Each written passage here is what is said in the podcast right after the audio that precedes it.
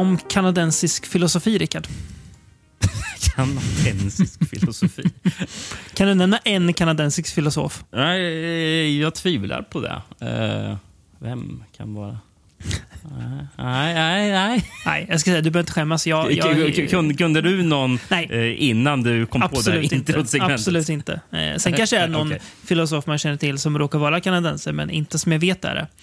Eh, men vi har en, eh, en eh, snubbe här, Marshall McLuhan. Eh, han var även eh, professor i engelsk litteratur eh, och litteraturkritiker.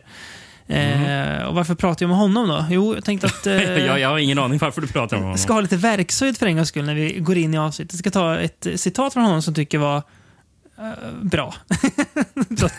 Jag jag tönt. Det var ett kraftigt, slagkraftigt citat, men jag tycker det, det, det, det, det hade verkligen någonting. Och det leder oss också väldigt snabbt in på vad det är vi ska prata om för eh, film idag. Eh, det Marshall McLuhan då har sagt eh, är att Vietnam was lost in the living rooms of America, not on the battlefields of Vietnam. Mhm. Jag, tyckte det var bra att det, liksom, det var där det kändes, inte där borta, utan det var hemma vid det Ja. kändes. Ja, ja, någonstans. ja. jag tyckte det, det, är inte hade dåligt. något. Nej. Re- reflekteras väl i en del amerikansk Vietnamfilm. Exakt. Deer Eh, Hunter. Typ. Ja, precis. Eh, och det är ju det eh, nästan vi bara ska prata om idag. Vi ska faktiskt ta en liten avstickare från USA också. Eh, men främst eh, USA eh, och ja, någon slags Vietnam-veteraner som får anledning att hämnas. Är väl någon Precis. slags övergripande temat. Och då tänker ni... Fan, ni har ju redan gjort ett eh, First Blood eh, rip-off avsnitt. Mm. Men mm, det här är inte rip-offs på First Blood. Nej. Nej. kanske ett undantag. Ett uppenbart undantag. ett ty- tydligt undantag. Exakt. Nej, men så, så, så är det här... Det, fokuset är väl egentligen... Eh, avsnittet ska väl handla om filmer där en Vietnamveteran kommer hem och sen så händer det någonting och han ska utkräva hämnd. Mm. Exakt, Det, precis så. Det är väl det. Så Ja. liksom ett, nästan ett hämnd... Ja, det är ett hämndfilmsavsnitt. Ja, ja, det är det absolut. med med Vietnamkoppling. Ja, exakt. Och nu ska jag säga, två filmerna kommer innan eh, First Blood också, så att, eh, då är det svårt att vara en rip-off om man kommer före. från 70-talet vi ska prata om Mm. till och med. Så, ja. Och vi börjar, eh, vi kastar oss rakt in 1973. Med, vad vad hette han? Marshall McLuhans eh, regidebut då, eller? Ja, precis. Ja, det var något. Nej, spännande regissör på den här, men det ska komma till snart. Men en film som vi hade kunnat haft med i något av våra Black avsnitt eh, Och det hade fungerat sömlöst. Eh, Gordons War eh, heter den här filmen. One junkie will bring down everyone around him. He'll steal his mother's rent, sell her sister's ass, and spread the cancer to little kids. The pusher and the junkie are an invading army, and they've turned Harlem into a battlefield. We've been in a war before, and we're gonna do this just like we did it in the Nam. We've been trained in the fire. Yeah, it's a shitty business, but we're experts. We are gonna drive those bastards out. It's war, baby. It's Gordon's war. The battlefield is Harlem. The enemy is junk. The general is a cat named Gordon. Me! I give the orders. He spent four years in the Nam, fighting someone else's battle. Now he's back to fight his own. They said it would take an army to get dope out of Harlem. This is an army. And this is Gordon's War. Regisserad av Ossie Davis. Så jag bara, men Ossie Davis, är inte det han som spelar JFK i Baba Hotep? Jo, det är det, är det ju. Jag visste inte att, att, han, att han hade regisserat nu, lite också. nu, nu, nu såg inte lyssnarna eh, ci- citationstecken du gjorde att han spelar JFK. Nej, men ni får ju... Har ni inte sett eh, Hotep så får ni googla Ossie Davis så förstår ni varför det är lite bisarrt att han spelar John F Kennedy i eh, eh, Baba Hotep. Eller ja. Eh, Han precis. spelar också Da Major i eh, Do the right thing. Jaha, det gör han ja. Mm. En Väldigt, väldigt eh, stor alltså, skådis inom eh, amerikansk svartfilm. Ja, Eh, ver- verkligen. ja. Jag tror han dog rätt kort efter Baba Hotep, va? Dock. Ja, det kan Jag tror, jag tror det var hans så. sista Det- film faktiskt. Eh, Ja, det, var- det var så. Ja, jag har det. Det är Men, eh, bisarrt att, att du säger att han har sista film, för jag har flera exempel på sista film som jag kommer ge under avsnittet sen. Ja, Eh, eh, intressant. Så, ja, det är Ja. mycket slump här. Jag svär inte på att det är men jag har för mig att det är eller om det är en av hans sista filmer i alla fall. Det, var- Eh, det här är inte den första filmen han regisserade eller? Nej. Eh, ni- 1970 gjorde han en film som jag fastnade för. Han hade så Mm. bra titel. Eh, hård titel. Cotton comes to Harlem. Ja, den är, den är bra. Den, eh, den känner man ju att, att man, vill, att man vill, vill se också. Ja. Bara, bara på grund av titeln. Eh, ja, vad har du för eh, alternativa titlar på denna lilla film då? Gordons War, ja. Mm. Jag tänker mig att de flesta ska heta någonting med Gordon. Och det gjorde de flesta Mm. titlarna. Men inte det som jag plockar fram. Nej, bra. Eh. Bra, att du, bra att du sållar lite Rickard, så att vi inte Mm. bjuds så onödigt. Ja, men de flesta var ju raka översättningar. Ja, precis. Ja. Eh, Turkiet var väl närmast med Gordons armé. Som inte var rakt av. Eh. Portugal. Mm. Kommandot mot droger. ja, det, ja. Ja, det är ju exakt vad det är faktiskt. ja, det är Eh, precis vad filmen handlar om. Så. Ja. Grekland, det Mm. hemliga kriget. Mm. Frankrike, punktlig eld. Jaha. Ja. Eh, Tyskland, jakt på vänsterbröder. Det hade, ju, Okej. det hade ju annars kunnat vara i Black Gestapos eh, alternativa titel. ja, precis. ja, var, ja, ja. Eh, Och eh, Norge, den här gillar jag. Kommandos i storbyens djungel. I storbyens djungel. Det är så jävla gulligt att, att liksom storstad heter storby på norska. Ja, det är riktigt bra. Ja, den, den, var, den var bra. Den, den, den gillar jag också. Och sist var Sverige. Eh, Tyvärr hittade jag ingen svensk VS eller ens affisch Nej. på det, men jag hade en svensk titel som var Gordons sista strid. Men en stabil översättning. Eh, du kan få en tagline också. eh, Som jag gillar. Eh, They said it would take an army to get the mob out of Harlem. This is the army. This is Gordons war. Ja, det är bra. Eh, Det är ju snyggt när de liksom får in filmens titel i taglinen. Att det blir This is och så Gordon. mm, ja, eh, det är riktigt bra. I VOS så hittade jag dock bara en amerikansk. eh, Det enda av filmerna som jag bara hittat en amerikansk på. Yes, då nöjer vi oss med den. Jag, jag är inte så överraskad, för det brukar väl vara så med just Blaxploitation-filmerna. Det är svårt att hitta andra Ja. releaser på dem, eh, har jag märkt. Framförallt de här kanske inte så stora självklara Ja, ja, eh, titlarna. Man ska säga. Verkligen. Eh, men du får höra vad den här Mm. Fox, eller CBS Fox Video VHSen. Mm. Paul Winfield has the title role in this action-packed tale about a quartet of veterans who use their combat skills to clean up their neighborhood. Captain Gordon returns from Vietnam to learn that dope pushers and addicts now rule his neighborhood and that his own wife has fallen victim to drugs. First, Gordon is devastated. Then he gets angry. Running up three buddies with whom he fought in the jungle, he secures state of the art weaponry and declares a war on a new enemy. It doesn't take long for dealers like Big Pink and Spanish Harry to get the message. and then all hell breaks loose in a, in a barrage of flying fists, deadly ambushes, savage gunfire, and explosive revenge. It's only the beginning of Gordons war. Bra. Väldigt bra beskrivet. tycker Ja, jag. tycker jag. Väldigt bra. Sa inte för mycket, men sa också nog mycket för att man ska eh, bli sugen på att, eh, att se filmen. Ja, man blir pepp. Blir man. Ja, det blir man. Ett jäkligt bra gangsternamn, Big Pink, tycker jag. Definitivt.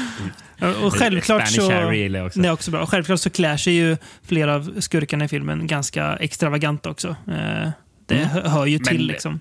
Men det gör väl eh, våra, våra hjältar också i alla Jo, fall. En, en, ja. en, en, en, en, en av dem. Det gör de. Nu vet jag inte vilken av dem det var, men han som eh, eh, klär sig, som ser ut som att han i en amerikansk inbördeskrigsuniform.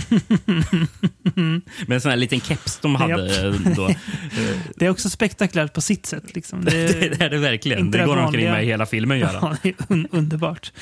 Eh, men det här är en... Eh, eh, visste liksom inte riktigt vad jag skulle förvänta mig i den här filmen. Jag hade inte hört talas om den innan alls. Ehm, men eh, det det är väl alltså...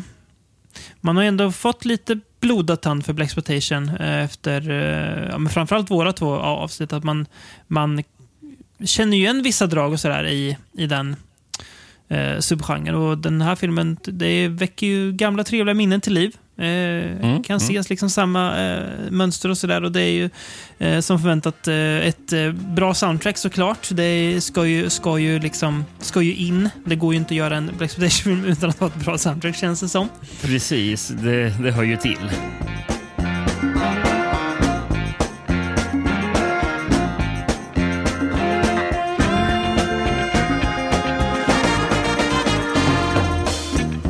Det står att... eh, För, för, för om man kollade credits, vilka som har gjort soundtracket, så står det två namn. Men, men sen läste jag att det stod, de kallar sig fattade som Badder than Evil, som var ett funk rb projekt av Albert Sally Elias, som står här i credits som Al Elias.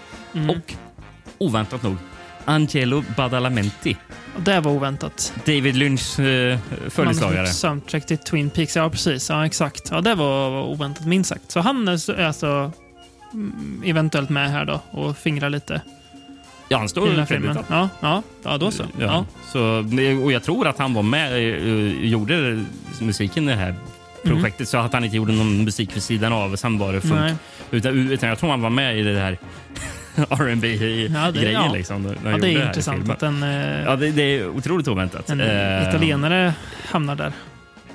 Eh, och Angelo Badalamenti, han står ju inte som under sitt namn här Nej. i filmen, utan står som Andy Badale.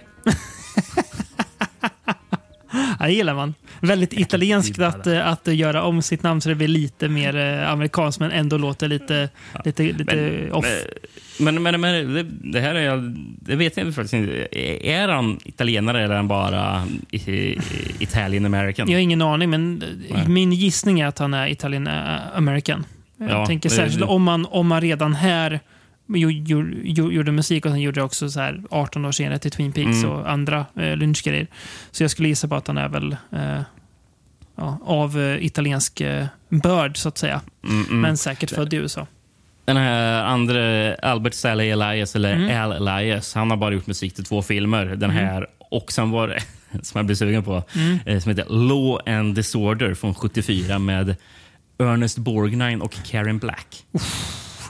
Det räcker ju att säga Ernest Borgnine så blir man ju sugen. Det är ju bara så. Plus bra, bra titel också. Law and Disorder. Det gillar jag. Ja. Ja, var fyndig. Nej, men det... det eh, det är ju lite kul grejer i filmen. Jag tänker det är kul när de börjar... Eh, eh, när de ska... De börjar med att de ska söka upp de här brottslingarna och någonstans eh, spåra dem först innan de ger sig på dem. Och då har de någon slags så här... De målar på deras bilar med osynlig färg som sen syns i någon så här super IR-kikare som, som, som de har som de spe- spejar efter. Och jag fattar inte liksom inte bara eh, känns som att de går väldigt långt bara för att märka en bil. Men, eh, för de, de vet ju ändå att det är den där bilen. Men, Ja, ja, ja, fast- ja, ja. men det är ganska kul. Lite så här... Eh, Men de gör väl på någon eh, typ eh, pimp eller knarklangares Ja. eh, sko, skor också? Målar ja, de. just ja. Det gör de också. när, Ja, när ska typ putsa en skor eller någonting så Ja, har han så målar den de den färgen istället. färgen. Precis. Eh, sen tycker jag att eh, jag känner sig en bit in i filmen att ja, lite gött så här, men jag känner att den kanske blir, det blir lite stiltje. Men sen tycker jag att filmen kickar igång när det vänder och eh, skurkarna börjar liksom eh, slå tillbaka. Eh, så att det Mm. faktiskt blir ett krig och inte bara att de ska åka runt och eh, göra livet surt för eh, de här eh, langarna. Precis, jag Eh, hade väl en, en liten period som jag kände, ja, mm, Mm. nu, håller filmen på att tappa mig lite. Precis. Men eh, sista akten tycker jag att Mm. den verkligen trappar upp. Ja, det är mycket action där. Vi har ju Det en det. jättecool scen. Och då, jag, jag tror det är Paul Winfield Mm. som har ihjäl någon genom att han tar fram en, eh, en deodorantburk Mm. och sprayar i en, en, en killes ansikte så det blir som en eldkastare. Så man, bara, det är hårt. man får se liksom han blåser rakt i Japp. ansiktet Japp. på den killen. Eh, starkt av stuntmannen där. Ja, och, och sen så har ju en eh, riktigt häftig eh, motorcykel slash biljakt i slutet. När de Mm. åker omkring i hela Harlem. Eh, och det, det, är- det är jättesnyggt. Där. Mm. Eh, Det är kul förresten att eh, ska man säga, de högst uppsatta skurkarna såklart är vita eh, kostymnissar som sitter eh, liksom i något glassigt stort eh, ja, Manhattan antar jag det kontor med liksom utsikt över, över, hela stan. Självklart Ja. sitter liksom de onda skurkarna där. Men det känns också väldigt, ja men det, det, det ska Ja, men det vara där någonstans. Eh, men det, det, det är, filmen fäster ju inte så mycket vikt vid att eh, han är en Vietnamveteran, utan det är väl lite inledningen att han kommer hem och så ser han att liksom gatorna har tagits över av pundare och att han ser liksom unga människor stryka med av heroinet och sådär. Eh, och då bestämmer han sig att det här ska rensa upp. Sen är det ju mer en liksom eh, ja, men nästan vigilante-rulle att han ska rensa gatorna med sina Vietnampolare. Eh, Precis, det känns ju mer, mer liksom... eh, Ja, men nästan, Eh, nästan lite death, eh, Death Wish-aktigt. Ja, alltså, det var det jag tänkte säga. Ja, precis. Ja. För visst, Eh. visst trycker de aldrig riktigt på att det är någon så här trauma de har eller någonting med Vietnam? Det är väl inget som... Nej, jag tycker nej. inte att man känner det i den här filmen. Eh, jag tycker inte. inte som vissa av de andra filmerna. Nej, precis. Eh, men det här är... ja, Bara, det är bara liksom förklaring. Liksom, Ja. Att de var i Vietnam. Liksom. Att de kanske har lite... Där- Därför kan de, eh, kan de det här. Exakt. Men eh, det är en, det är en, tycker jag, en super, superstabil rulle. Eh, hade kanske kunnat bli lite mer om man hade kanske gjort lite på det här eh, Vietnamtraumat eventuellt. För det är ju ett inslag som ofta funkar eh, bra om det finns eh, eh, bra manus och sådär bakom då som eh, bygger upp det. Men eh, jag tycker Det kanske saknas lite så här karisma från skådespelarna. Eh, Mm. Det tror jag är en grej som hade Ja, det är, inga, det är ju mer, det är inga, inga Pam Griers i den här filmen direkt som bara tar över skärmen. Nej, det är det ju nej. inte. Eh, Ja, Paul Winfield, han är väl okej. Mm. Mm. Han lämnar inte så stort avtryck att han fick en... eh, Han, det är ingen så här mm, household name direkt. Han är, Nej, poli, är ju- han är polis i första Terminator. Där han. Ja, det är Eh, det. ja. jag han är kollade förresten upp. Det är väldigt kul. En, av, ja, eh, en av kommandos eh, eh, spelas av Tony King. Mm. Eh, som, eh, jag, jag kollade att han, eh, han är faktiskt med i Gudfadern i en liten roll. En väldigt liten roll. Mm. Han spelar Tony the Stable Hand. Mm. Så han måste ju vara i stallet. Den hästen de Ja, just det. skär huvudet Mm. av. Ja. Eh, Det borde han ju vara, där- ja. där- Där dyker han upp. ja, då har han ändå en liten, liten men ack så viktig roll då för... Ja, ja Eh, definitivt. Eh, och vet du vad Tony King mer har gjort? Nej. Han, han, han har varit Head of Security för Public Enemy. Ja. ja. Ja, det är Varför, inte, varför inte inte? Nej, det är sannerligen inte illa. Är... Public Enemy av alla band. Ja, det är kul. Eh, 1,6 miljoner dollar i budget. mm. Eh, box office 1,2 miljoner dollar. Mm. Så, ja. Undrar om man såg det liksom lika mycket som en flopp då? Eller om man tänkte att man kunde återsläppa filmer på ett helt an, an, an, annat sätt då också. Och där kanske man inte räknade box office så mycket när de liksom släpptes som en double bill några år senare på någon Jag, jag, biograf. jag, har, jag, jag har in- inga så här, belägg för det här, men jag har Nej. en känsla av att det inte gör lika mycket. För Tanken var väl liksom att ja, den här ska vi kunna rulla. Ja, exakt. Grind, grindhouse, Precis. eh, eh, salonger i Ja. New York sen. Mm. liksom, de bara, ja, den kommer säkert break-even någon gång. Ja, exakt. Eh, Det, det, är inte, den är inte samma grej tror jag. Nej. Som När vi pratar om en stor studioproduktion. Cutthroat Island. Eh, är inte där direkt. Vill du gå vidare från Gordons War till eh, eh, Charlies? Jag, jag, jag, jag kan bara nämna mm. foto. Mm. Victor J. Kemper. Han har gjort annat i New York. Släkt med 70-talet. Edmund Kemper kanske? Eh, förhoppningsvis inte. Nej, hoppas Eh, inte. eh, Nej, men han, han, gjorde, han filmade något annat i New York på 70-talet. Mhm. Dog Day Afternoon. Minsann, minsann. Mm. Är det Sidney Eh. Lumet som har gjort den? Nej, det är det väl inte. Är det inte det? Det är det väl inte. ja, ja, ja, du, du har så rätt. Jag, bara, Jag hade det, kändes, ja. Det kändes inte som att det var Sidney Lumet. Eh, ja, fan, det har jag glömt bort att det var Sidney Lumet. Ja, ja du ser. Ja. Eh, men eh, förutom Dog Day Afternoon. Mm. eh, Man får ta ett, med. ett, ett päron till farsa. ja. Första filmen alltså. Ja, och Mm. The Jerk. Det, uff, två 80-talets bästa komedier alltså har han fått ändå. Ja. Är, det- är det York från 80-talet? Fan, nu, nu, ska inte jag gissa mer för jag kommer göra fel igen. Den känns bara sent, sent så här 78 eller någonting. Det känns, det känns 89 tycker jag.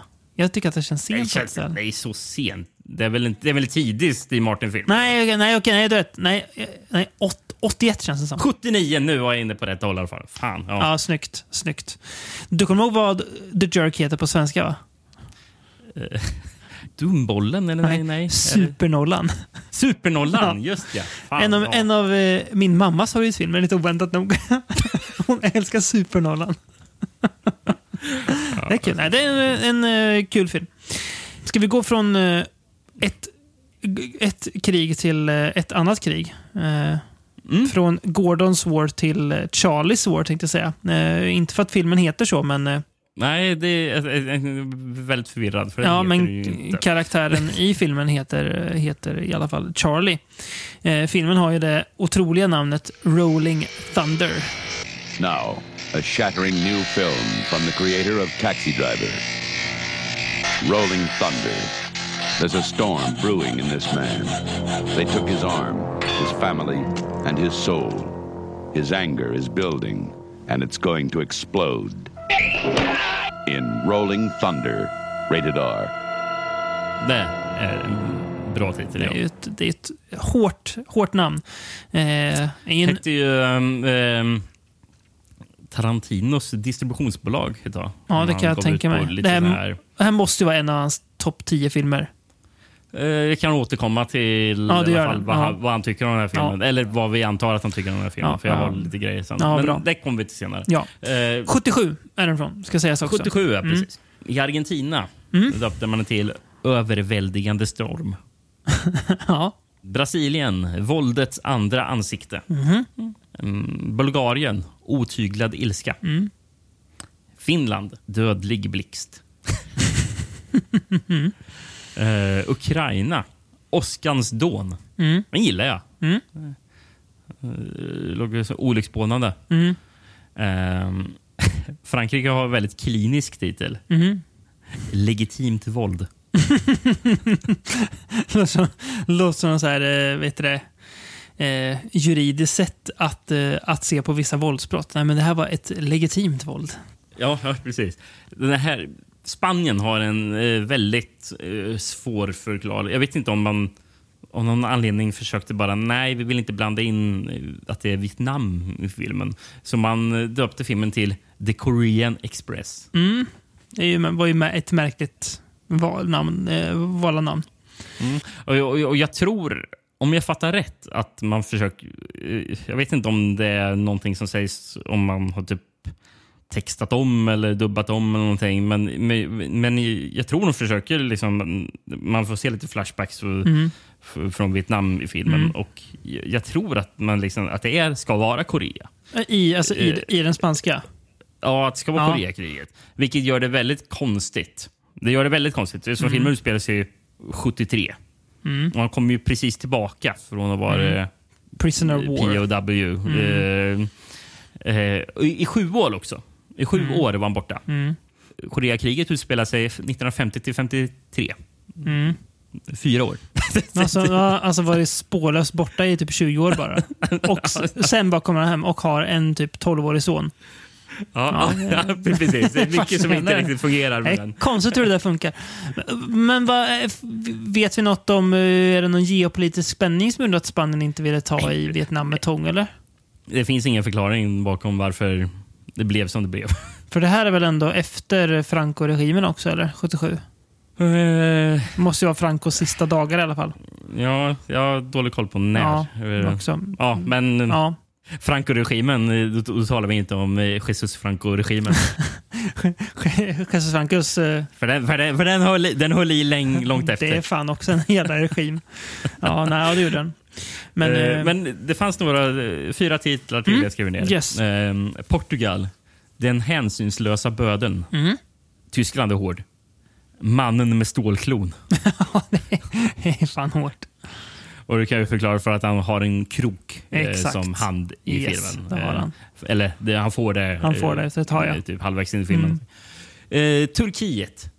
Kroken är värre än döden. Otrolig titel. Otrolig titel! Kroken är värre än döden. Det, det där är ju en, en titel som annars, annars grekerna hade kunnat koka upp när, när de kom med något bra. Ja. Otrolig Nej, gre- titel. Grekerna har en okej titel som är den sista jag gör. Mm. eh, faktiskt. Eh, jag dödar som en blixt. Ja, också, mycket bra. Men du vet, det, det är nästan så att jag vill döpa avsnittet till Kroken är värre än döden, men det, det, blir, det, Kroken det, det blir för Helt vagt. oförklarligt. Ja, det bara. Nej, fy fan vilken titel. Uff. Men skulle man vilja ha den, den turkiska? Och folk bara, vad, vad, vad står det där? Jo du, sätt dig ner så ska jag berätta att här står det Kroken är värre än döden. Ja. Ja. Vad har du hittat för VHS på denna lilla 70-talspärla då? Jag hittade en svensk. Mm. Där den heter Rolling Thunder. Eh, utgiven av eh, Walters Video. Gamla pålitliga Walters. Den unga amerikanska översten Charles Rain. Eh, Unga amerikanska. Han ser ju jättegammal ut. Han ser ut att vara 50 år. Han ser inte ut att vara ung. Det gör han inte. Nej, Nej, ung, ung tänker jag liksom max 28. Det ser han inte ut att vara. Han ser ut att vara 50, ja, precis. Men ska väl... En, Un- un- Undrar hur gammal han var när han spelade in filmen, William Devane. 32 eller något sjukt. Han ser jättegammal Ja, ut. det gör han. Ah, Han är född 39. Ja, han var alltså 38 år. Typ som oss Vilket han alltså. ser mycket äldre ut. Ja, det gör han. Ja. Ja. Men ja, det, är väl, det är väl kanske hur han klär sig och hur han, ja, hur han ser ut. verkligen. Hela hans... Så, att, bara, hans uppsyn är ju- Folk såg äldre ut. Så är det ju. Det, det, det, det, är den där bilden eh, som finns på föräldrarna, föräldrarna i Hajen. Ja. Bara, det är världens äldsta föräldrar Ja, ser det ut att vara. Det är det verkligen. Men helt, helt, helt sjukt gamla är de. Ser ut som uråldriga. Mm. Jag startar om på VHS. Den unge amerikanska översten Charles Rain återvänder hem till Texas efter sju år i ett nordvietnamesiskt fångläger. Vid hemkomsten slås emellertid resten av hans värld i spillror. Han blir utsatt för ett grymt och sadistiskt överfall och skadas svårt. När Rain tillfrisknar har han bara en tanke. Hämnd! Tillsammans med en annan Vietnamveteran, sergeant eh, Vonden, eh, tar han upp jakten på de män som förstört hans liv. De båda före detta elitsoldaterna kan många kommandotricks och är tungt beväpnade. Jo då. Precis. Han, eh, han, han får ju en... De har ju en parad för honom när han kommer hem. Där han får en, väl en väska va? Eh, typ full med eh, s- Silvermynt. Silver, silvermynt ja. Väldigt oklar gåva, men det, det får han i alla fall. Och sen en Det dag när är jättekonstigt. Eh, vad- är den gåvan kommer ifrån? För det, hon som ger den, jobbar hon från det en klädbutik hon jobbar för? Någonting? vad säger hon? Något sånt där. Alltså, det det känns... var, varför ger de Ja, en nej, ingen aning. Ingen aning. Var det typ så här ett mynt för varje dag eller någonting? Ja, han något sånt där var det. Ja, just ja. Något symboliskt. Jätte, jättemärklig gåva. Jättemärklig gåva. Men i alla fall, då kommer det ett gäng skurkar då hem till honom eh, och vill ha de här pengarna. Och eh, när hans fru och son kommer hem så eh, ja, de skjuter bara ihjäl dem. Och de tror ju att de dödar honom också, men det gör de ju inte.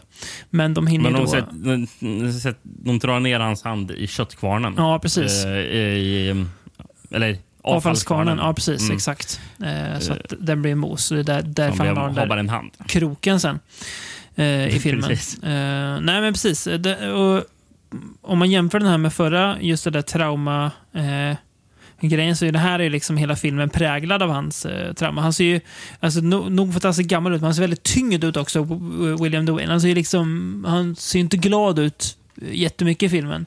Han ser ju väldigt tyngd av det här eh, han har upplevt i Vietnam. Inte bara själva kriget sig, utan eh, kanske mest att han var, också var eh, krigsfånge då. Mm. Och flashbacksen förstärker ju det. Så, och det tycker jag funkar eh, väldigt bra. Det, det är intressanta, eh, jag tycker med den här filmen, när jag ser den, det är att jag tycker att den är bäst typ första 30 minuterna. Innan liksom själva hämnden börjar tycker jag nästan, nästan filmen är bäst. När det bara är nästan så här ett ja, men coming home-drama typ. Ja. Ja. Nej, du, du behöver verkligen inte hålla med. Men jag, då, då, då, liksom, då tyckte jag så här, det här är ju riktigt bra. Så jag tyckte det var jätte... Ja. Eh, det det är roligt att du säger så. För, för jag har skrivit att det, filmens fe, eller problem egentligen för mig är ju att jag tycker att de första 30 minuterna är lite väl sega. Det, det, det, går så långsamt. Det. Ja, långsamt det går. går det. Skitlångsamt. Det kan Det, jag alltså, alltså, det, det, den innehåller bra stunder, men jag tycker Mm. det är lite för makligt tempo. Eh, för det är, ah, ah, eh, det är segt. Men, eh, men någon som höll med det var faktiskt eh, eh, Gene Siskel. För han sa att eh, för, först, eh, första 30 minuterna är den bästa delen i filmen. Och han gillar hela Är filmen. det, en, är det enda gången jag och uh, Jeansy skulle ha varit överens om något kanske? Känns det. Känns man ofta Det kan vara det. Det är inte så ofta. såga filmer man gillar. Eh, men eh, Nej, men han, han gillar liksom eh, dramat Mm. där. Men jag tycker det händer lite för lite. Ja. jag, kan, jag kan köpa det också. Och det, det är inte så att jag är emot drama, utan det är bara nej, jag jag, tycker... fattar. Det måste, det måste ju vara bra drama också. Då. Dramat fångar mig inte. Nej, det precis. tycker jag inte då, gör. skriven delvis av Paul Schrader ju. Eh, Ja, han, han skrev första manuset fattar jag som. Okej. Mm. Eh, så Första draften typ där kanske. filmen skrevs för ehm, em, eh, AIP. Gjorde den. Men jobb, Eh, och- jobbade han för AIP alltså? Nej, det, Nej. Men, men han skrev den för, Ja. för dem. För det här är väl ändå, det här är ju efter Taxi Driver ändå. Så Ja. här är ju han liksom ett, ett namn ändå, Paul Schrader, i manusvärlden. Och Schrader var ju för, först tänkt som regissör också. Ja, okej. Eh, Men det blev ju aldrig av och eh, filmen såldes sen till 20th Century Fox. Mm. Som jag förstod det som producerade den. Men releasen jag såg så stod det att det var AIP i introt. Så, ja, eh, jag fattar det som att de distribuerar den. På, b- på baksidan av den här Walters video står det också copyright American International Pictures Ja, Inc. men då var det väl säkert de som eh, kanske producerade den eh, ursprungligen då. Eh, Men okej, ja. Men, men, men, men det, jag fattar det som att det skrevs om väldigt mycket. Eh, och eh, för det står ett till namn på manus och det är ju Haywood Gould som skrev om eh, Paul Schraders manus. Okej. Eh, eh, Haywood Gould har skrivit Cocktail. En, film, en film man kanske aldrig kommer se. Av någon anledning. Det kän- känns bara så här, när ska jag se Cocktail? Jag vet inte om jag någonsin kommer se den. Inte för att jag tror att den är särdeles dålig. Det är bara, ja, jag kanske aldrig kommer se Cocktail. Ehm, av någon anledning. Eh, regi då? John Flynn blev det istället för Paul Schrader. Vad, vad är det här för filur då? Han var First Assistant Director på The Great Escape faktiskt. Det är ju det är en bra merit. Det är inte fysiska. Nej. Eh, men vi har väl någon gång i podden pratat om Brainscan, va? Som han har regisserat. Ja, det har vi gjort. O- oväntad film att han gjorde den. Eh, 90 94 eller vad det är. Ja, var det med Corey Haim? Nej, Nej, jag bara det är? Edward, Furlong. Edward Furlong, ja just det. Precis. Mm. Ja, det var någon av de där unga eh, stjärnskotten i alla fall. Ja. Och eh, senare har vi också pratat om, ja, i vårt första mm, eh, Stallone-avsnitt, vi pratat Mhm. om honom för han eh, regisserar ju Lockup. Eh, och sen även Steven Seagal-filmen Out for Justice. som jag tror är en av de få Seagal-filmer jag har sett. Okej. Jag har väl typ sett den och eh, Under Siege tror jag. Eh, om det är den han, han sitter och spelar gitarr framför, framför en eld och jagar miljöboar. Jag vet inte. Den jag sett. Han, vil- vilken är det han är på någon militärfartyg? Det är väl Under Siege. Är det den? Ja, det, Ja. det är underbelägringen. Underbelägring, Ja, Just det, precis. för underbelägring två, är det ett tåg då? Eller vad är det? Ja, det kan Det det, är väl vara. någon tåg, va? Ja, den har jag inte Ja. sett. Men ja, det stämmer nog. Mm. Det stämmer nog. Precis. Vem, vem är det som är skurken i uh, Under belägring förresten? Det är ju någon som man blir förvånad över som dyker upp. Mm. Fan, det var länge sedan jag såg den nu. Men, Mm. alltså, Gary Busey är med, men jag tror inte... Ja, apropå just filmen vi pratar om. Mm. För vem dyker upp eh, på båten? Eh, Tommy Lee Jones. Mm. Och Tommy Lee Jones är ju alltså eh, polaren. Hans polare, eh, som- exakt. Ja, Mm. i den här filmen. Ja. Jag kommer inse att Tommy Lee Jones är en skådespelare som man har... känns som att han blivit lite bortglömd på senare tid, men han är alltid bra när man ser honom. Mm. Eh, fattar det som att det här är hans femte film. Eh, där. Eh, om man inte räknar med några tv-filmer han hade med. En ung Tommy Lee Jones, om man jämför med framförallt det han är ur. Eh, Ja, han är typ så här 28, 28 år Ja. eller någonting. Är han. Eh, han är yngre än Willem Devane i alla fall. Eh, och han ser, han ser yngre ser ut än ut. Devane, framförallt. Precis. Eh, han, han kan man skriva ser ung ut. Apropå att se, se ut som någonting, eller Mm. eh, Willem Devane. Vem, I hela filmen tänkte jag att, och även när jag såg lite, lite bilder på honom sen, bara, Mm. han är jättelik Ian Holm. Ja, det, ja, det stämmer. Jag, jag behövde inte ens tänka särskilt länge för att bara hålla med. Ja, det stämmer. Jag Ja. sitter och kollar på en bild på honom. Han ser ut som Ja, Ian Holm. För, för, precis. för, för, för, som jag, jag, jag tänkte det, att han ser ut som Ian Holm. Sen jag, Mm. jag måste bekräfta det. Och så, sökte jag på en bild på Ian Holm och sen bara satt jag side by side med bilden Mm. jag hade. Bara, Fan, det ser ut som det skulle kunna vara samma person. Vem är, eh, vem är vem av eh, dessa två? Vem är William Devane och vem är eh, Ian Holm? Ja. Går inte att utröna. Så, eh, precis. Eh, Willem Devane han, mm, han var med i Maratonmannen på 70-talet. Var han. Mm. Så han var med i Hollow Man. Ja, det är ju verkligen en film man... Hyrde man inte den på... Är man född un, ungefär samtidigt som oss och om man inte hyrde den på VHS när det begav sig, då, då vill jag fråga vad, är det för, vad var det för fel på er? Jäklar vad man hyrde den på VHS. För det, den, den filmen var ju en som, som verkade så sjukt bra när den kom. Ja. Alltså, Men som, jag gillade Hollow Man också. Ja, den var Eh, bra, men den, eh. den kanske inte var så bra som man hade hoppats på. Men det var en, en, Nej, en, eh, jag- absolut jag- en stabil film. Jag, jag, har sett, jag har sett Hollow Man väldigt många gånger. Ja, det- det har man. Och jag vet att alla gånger blir jag lite besviken. Bara, men Ja. Den hade kunnat Mm. gett lite mer, men det finns ändå en del mycket, mycket jag gillar med Hollow. Ja. Inte apropå Hollow Man, men apropå Willem Devane och Mm. den, här, den här filmen. Så för, först var det tänkt fattades som Chris Kristoffersson som Mhm. skulle spela Mm. eh, hu, huvudrollen. Då. Och det hade jag nog sett fram emot mer. Ja, Eh, det är eh, lite mer karisma på honom också kanske. Mm, Eh, det, det är en, en tolkning av den här filmen Mm. som jag gärna Mm. hade sett. sett? Tänk dig han och Tommy Lee Jones bredvid varandra. Fy fan alltså. Jävlar. sk- skjuta di- diverse slödder. Då hade man, hade man betalat en fin peng för att se. Eh, Eh, skurken då? Eh, eh, Texan. mm, Eh, bra skurknamn. ja, tycker jag. Jäv- Bara en kort och gott Texan. Jävligt hemsk. Eh. Alltså, han, det, han är ju så tydligt e- etablerad som ett, ett riktigt as också. Så det är ju det är ingen så här... Man, man, man behöver inte sitta och ställa sig frågor. Är Charlies hämnd rättfärdigad? Utan det är mer bara, nej, skjut dem allihop Charlie. Ner och skjut bara. Jag, gillar också en sån här sn- snygg detalj de gjorde med eh, den karaktären. Mm. Hur, som, de kom på någon idé om att, jag vet inte om det var för att han skulle se lite extra sliskig ut eller någonting, att det ska börja förstärka att han är nog Ja, att han är Mm. lite äcklig. Eh, för han, han, för han, eh, han svettas i hela filmen. Mm. Eh, Han, han är alltid svettig, Ja. ser man i ansiktet. Mm. Och det gjorde James Best genom att, eh, för han har en cowboyhatt på sig Mm. i hela filmen. Och, eh, så varje gång han skulle vara med i en scen så la James Best iskuber under cowboyhatten så skulle det smälta is så det droppade ner så det såg ut som att han Mm. Så det ser ut svettades. som att han liksom svettades något så extremt. Konstant, ymnigt i hela filmen. Väldigt eh, enkelt men ack så bra drag för att få någon att, att se liksom ännu mer motbjudande ut också. Eh, Ja, ja, ja, men precis. Mm. Nej, men jag, jag, jag tycker att eh, eh, det, det jag gillar med filmen, alltså om man går till hämndelen då, som b- båda också gillar, att eh, hämnden inte bara går eh, på direkten. Liksom, att, att, att den inte bara plockar en och en efter varandra hur lätt som helst, utan att det är ju faktiskt lite... Eh, de gör ju motstånd och de gör ganska mycket motstånd och det blir ju, han får ju liksom slita för att få sin hämnd Charlie. Eh, Mm. Han är ju ingen så här...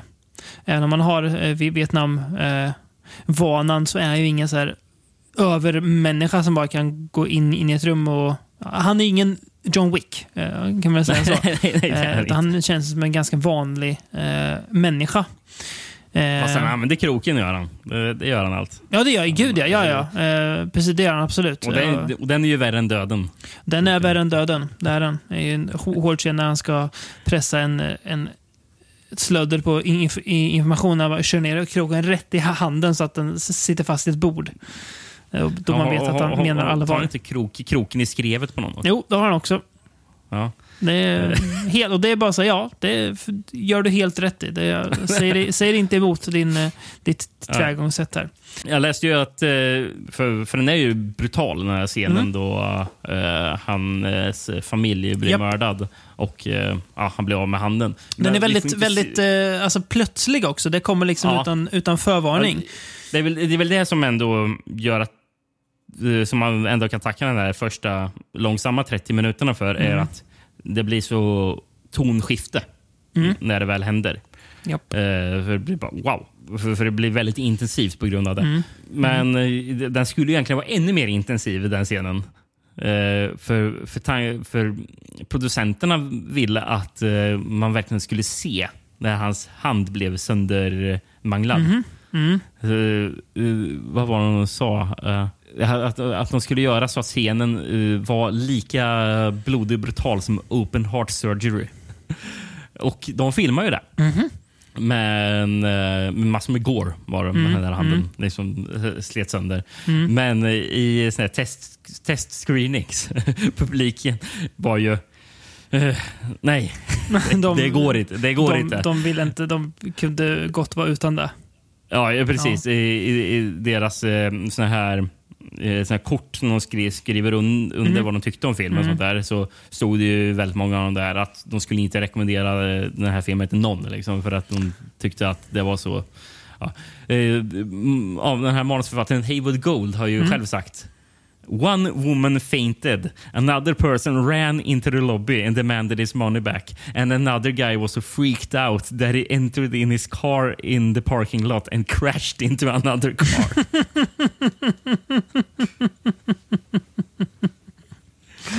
Ja, eh, film kan väcka starka reaktioner. ja, verkligen. Kan vi konstatera.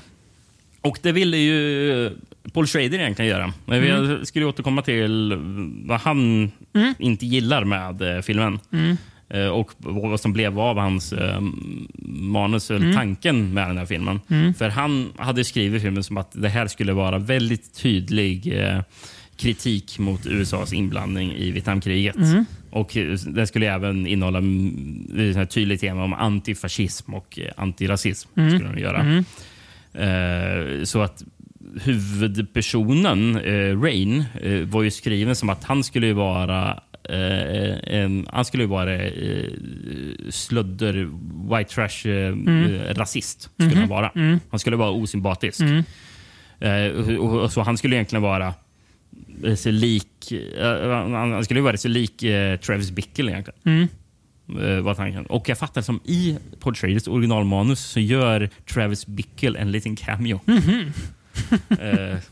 Han eh, dyker faktiskt. upp där. Alltså, ja. Ja. Nej, men, det var ju tanken med, med, Mm. med den, att det här ska vara väldigt här, tydlig här, kritik. Mm. Eh, och i den här, den här filmen innehåller ju inte någon sån egentligen kritik som, som kritiserar USAs inblandning i kriget eller Nej. eftereffekterna. Eller, ja, för, för han menar ju liksom att, alltså, att det fanns mycket rasism inblandat i liksom, hur man såg Mm. på vietnameser och sånt där. Och, och det skulle speglas i hans syn när han, när han drar på hämnd. eh, I den här fil, i, jag fattar det som i Schraders original, när han drar på hämnd, vilka är han hämnas mot? Eh, Det här gänget är ju mexikaner. Mhm. Så det skulle liksom spegla på hur ja, fascismen igen liksom, Mm. eh, skulle göra. Att han ger sig på mm, ja, me me mexikanerna här istället. Mm. Eh, men i den här så bara... Ja visst, han ger sig på mexikaner, men det framställs, eh, framställs inte som någon metafor. Eh, Nej. utan, utan Schrader tyckte istället bara att han, han skrev en film som handlade om fascism och studion gjorde sen istället en fascistisk film. Tyckte han. Mm. Inte helt nöjda som andra ord. Nej, han, han är inte Nej, nöjd med det. nej, det, kan, det kan man förstå om, om han hade en så tydlig utstakad väg för vad att filmen skulle ta vägen och så blir det något helt annat. Nej, mm. något sånt kan man ju inte se eh, i filmen heller. Eh, det, är väl, men det är väl här att, liksom, att traumat hänger över honom, men det är ju det är väl det. Men samtidigt, den är inte heller liksom patriotisk på något vis heller. Det är ju liksom inget USA-vurmande heller, utan den känns ganska neutral. Nej, bortsett från va- va- varenda, varenda mexikansk karriär, eller karaktär du ser i filmen är genomvidrig. Ja, jo. Även sådana som inte är med i det här Mm. gänget. Ja. precis. Det är ju någon där, något riktigt eh, slusk som stöter på hans Eh, ja, han skaffade ju en tjej kort efter att hans fru blev skjuten. Det är också in- intressant för grejen. Men eh, han stöter på henne där nere på en, en Mm. bar i, i eh, Mexico. Jag skulle ju återkomma till, jag lovade att jag skulle återkomma till Tarantino. Mm. Och, eh, jag, har, jag har ingen sån här citat på vad Nej. man tycker om filmen, men jag tror att Och varken, det här, vi, det här egentligen säger... kanske du och jag borde ha läst, eh, det borde vi gjort för länge sedan kanske, eh, Cinema Speculation inför den här podden, men det har vi inte gjort. Eh, Så att, eh, där står Ja, jag, vet, jag, jag, jag vet att de ofta pratat om Rolling Thunder i intervjuer och sånt där. Mm. Han har gjort Ja. sin influens och sånt där. Mm. Men eh, någonting som talar för sig själv. Mm. Det är liksom referenser till den här filmen Mm. i andra av hans filmer. Mm. Den första Mm. låter det långsökt Mm. om man inte ser om, om, man inte hade, om man inte hade sett att han har referenser till filmen i andra. Mm. Men för den första eh, så stod det någonting om att eh, för Christopher Walken säger i Pulp Fiction att, eh, han- att han satt i sju, sju års ja, ja, prisoner of war-fängelse. Mm. När, de pratar om klockan Mm, eh, mm, till, det. till, Mm. till unge Bruce Willis. Mm. Eh, Och då, sju år, det är ju, ja, sju år var Charles Rain satt i den här filmen. Mm. Det låter ju som något som bara, ja men det är bara ett sammanträffande. Kan vara en slump, men ja. det känns inte som ett sammanträffande med tanke på att han fortsätter referera till filmen. För Mm. i Jackie Brown eh, så dricker hon från Acunia Boys eh, eh, någon, någon restaurang, sån här mugg eller någonting. Och Acunia Boys det är ju det här gänget i den här Mm. filmen. Mm. Så ja, det är en referens som är väldigt tydlig i filmen. Eh, I Kill Bill eh, volym 2 Eh, när man träffar på, jag för mig när man träffar på Michael Parks i Mm. slutet på filmen Mm. eh, så, så pratar han ju om ja, hur han tog upp Bill och sånt där. Och jag Mm. fattade som att gänget som han har under sig, Michael Parks, eller haft under sig, som jag tror, om jag minns rätt, Bill tillhörde, hette ju Mm. också The Acuna Boys. Mm. Eh, och i Grindhouse, eh, jag tror det är en reklam, så visas det reklam för en Tex-Mex-restaurang som heter Acuna Boys. Så ja, den fortsätter ju återkomma, liksom, den här filmen. Det är liksom hans, eh, ja, det här, är det hamburger eh, grejer han har återkommande också va?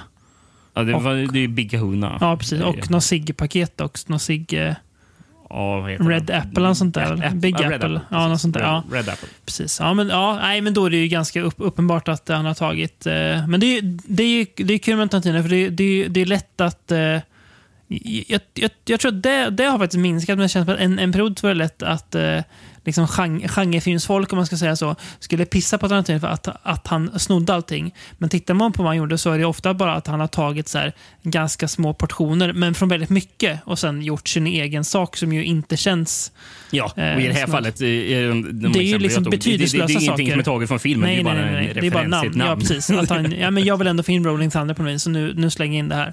Ja, eh, ja men då är det ju uppenbart att han, att han har eh, bakat in ganska mycket Rolling Thunder i, eh, i sin, eh, sina filmer. Men Mm.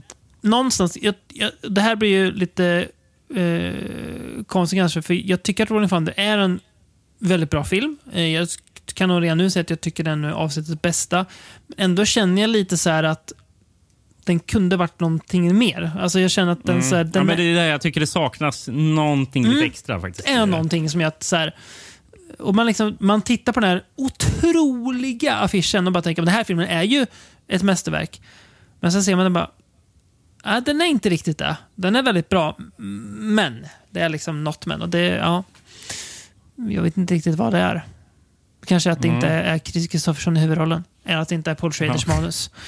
Eh, Men jag har ju nyss, på tal om Paul Schrader, eh, ska inte alltid, det är ju lätt att ja, men tänka att ja, Paul Schraders version hade ju varit bättre. Jag har ju tagit mig an eh, dumma, jag tänker inför David Gordon Greens Exorcist Believer som kommer i höst, tänkte jag men nu, nu ska jag se, se alla Exorcista-filmer. Så jag har sett om tvåan för det var länge sedan jag såg. Bättre än vad jag minns. Inte så dålig som jag minns. Och sen har jag sett båda. Ja, men det var faktiskt inte det. Eh, båda fyrorna också. Eh, Dominion då, som är Schraders och sen eh, Rennie Harlin. Hans Exorcist the beginning. Och båda är ungefär lika mediokra. Eh, Schraders är verkligen inte bättre. Eh, Nej. nej. Eh, så att, eh, nästan så att Harlins kanske är lite pytte, pytte lite bättre. Men, Men, eh, hur, hur lika är de varandra? jätteolika. Ja, för de filmar väl typ om hela... Ja. Det, är, eh, det enda som de har gemensamt är ju Stellan och att det är liksom sam, de, de hittar ju en gammal kyrka i eh, kommer inte ihåg var i Afrika de är, men som är nedgrävd i liksom marken. Och man, man ser att det är samma sätt här. Men annars, all, alla skådisar är ju utbytta. Mm. Isa, Is, Isabella Scorupco till exempel är ju inte med i eh, eh, Sch- Schraders version. Så det, Vet, vet du något annat exempel på när det har hänt? Nej. Att man gjort två filmer. Nej. Så här, bara, nej, den första, vi, vi nöjde oss inte med, fast vi släpper den och sen så gör vi... Ja, för det, det är sjuka de... det, det, det är det som är så jävla Precis, konstigt. där. när de, de märkte att Beginning inte gick så bra på bio så tänkte jag, ah, ja, vi kan väl släppa, de kan väl få släppa Shraders film då. Problemet var att den var inte riktigt färdig än, så de fick ju 38 000 dollar till att göra post production effekter i. Och det är, alltså de, den CGI i den här filmen är ju för jävlig. Det är hy- hy- Hyenor som ser ut som att vara från oss. Nej, bedrövligt är det. Men det, är, ja, Ja. det finns fler problem. Men eh, här känns det ändå som att Paul Schrader hade en, eh, eh, en... Att det var liksom hans film från början som han sen eh, gjorde om till någonting annat. Så jag hade velat sett eh, hans version. Eh, han Mm. var gärna med han vid rodret. Han är, är en högst kompetent regissör när han, han får till det. Så att, Ja, definitivt. så att, ja. Eh, ska vi gå vidare till någonting som inte är eh, lika så högst kompetent kanske man ska säga. Eh, som Ja, heller någonting- kanske inte har några ambitioner att vara det. Vad vet jag. Nej, Eh, titeln är ju bra på den här filmen också. Eh, den heter... det är jättebra titel. Ja, den är nästan lika bra som Kroken är eh, värre än döden. Eh, den heter Thou shalt not kill... Punkt, punkt, punkt. Except. In the beginning, God created light. Then God created man, and he gave him ten commandments. Amongst them, thou shalt not kill. But evil forces arose, ignoring God's commandments, and wreaked havoc on the world. There are times when the laws of God and man must be put aside. Thou shalt not kill, except. Det är en stenhård titel. Är det. Tyvärr är ju, är ju inte det originaltiteln. Nej, jag vet. Originaltiteln är ju mycket sämre i det här fallet. Även fast jag tycker att den fungerar bra i en annan film vi Mm. redan pratat om. För originaltiteln var ju faktiskt Gordons War. Men, eh, och den heter ju den heter ju Gordons War för det, det gjordes en kortfilm några år tidigare. Gjorde det. Mhm. Eh, av, av, av regissören.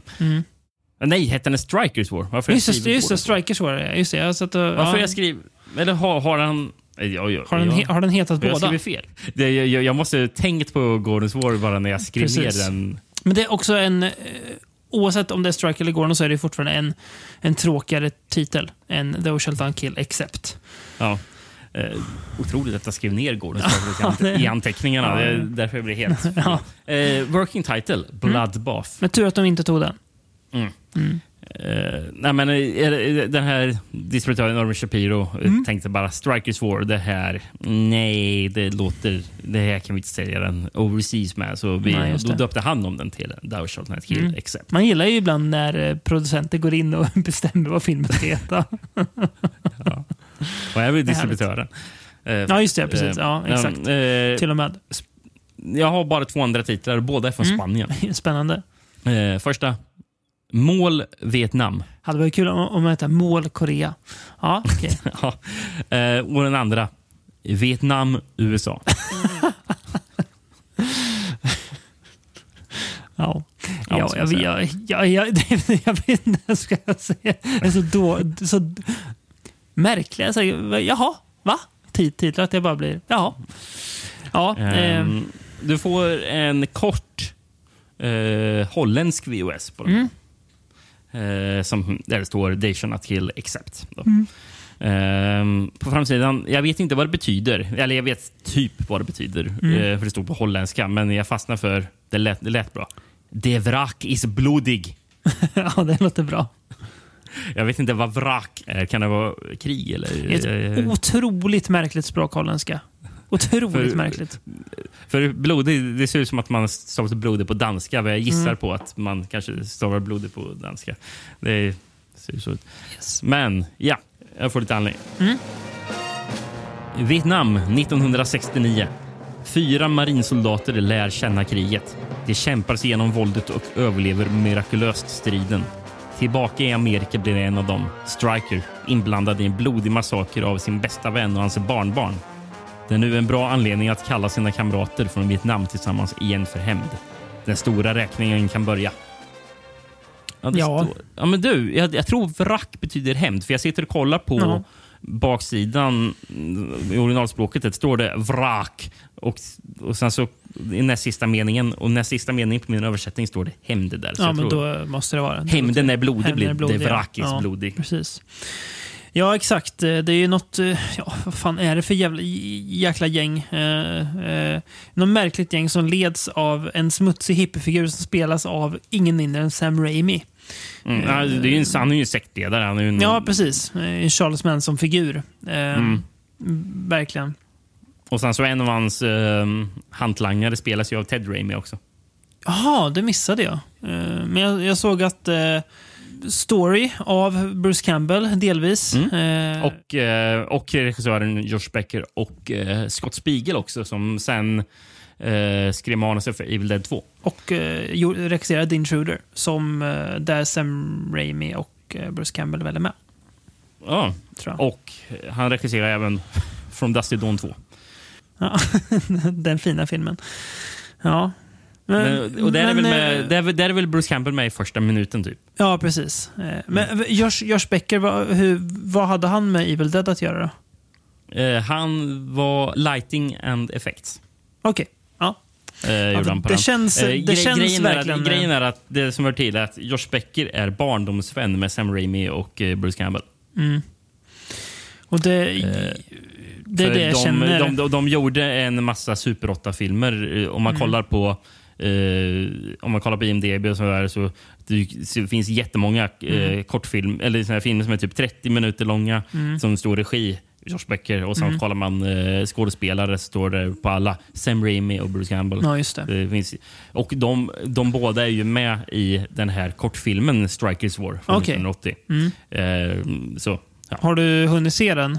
Nej, Nej, jag är inte sugen. Det, Nej. det räckte med att se den här filmen. det räcker med att se den här.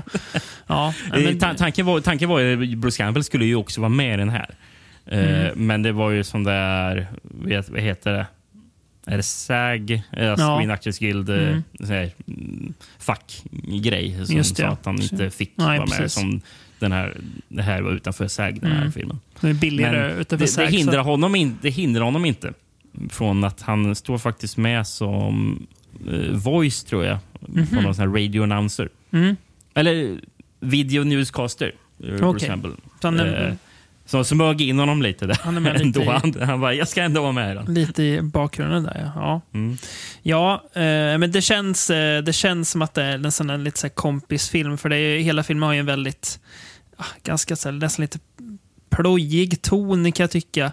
Eh, alltså Sam Raimi är ju ingen eh, dunderskådis. Och det tror jag man är ganska me medveten om att han ska liksom spela väldigt överdriven eh, Charles Manson pastisch tycker jag att det blir. Eh, Och eh, alltså jag tröttnar rätt fort på den här filmen. Jag tycker att den, är, den blir tradig för att den, den, den blir för, för pajig på något vis. Eh, jag vet inte, alltså det, det, det känns som att jag, jag ser en liksom lite glorifierad eh, kompisfilm som man, Ja. som man har gjort eh, över en vecka med några vänner. Typ att alla som ska spela unga, det är vissa scener där det ska vara folk, folk som typ så här, går på high school, de ser ut att vara minst 25-26 år gamla. Eh, det är säkert också vänner som de bara har dragit upp för att de själva var i den åldern när de gjorde filmen. Grejen är att rolllistan är ju väldigt kort här. Men Mm. det är ju, tror jag för att mycket annat är ja, vänner som Mm. var med. Och ja, de flesta skådespelarna de har ju typ bara varit med i eh, filmer som Josh Becker har gjort. Ja. Eh, eh, Har han, har han gjort nej. någon mer eh, långfilm, Becker? Ja, det har, det har han gjort. Mm. Eh, Men jag tror det här var hans första långfilm om jag inte fattar fel. Eh, Men det fanns, känns ju som att han fick väldigt mycket hjälp av att han kände Sam Raimi.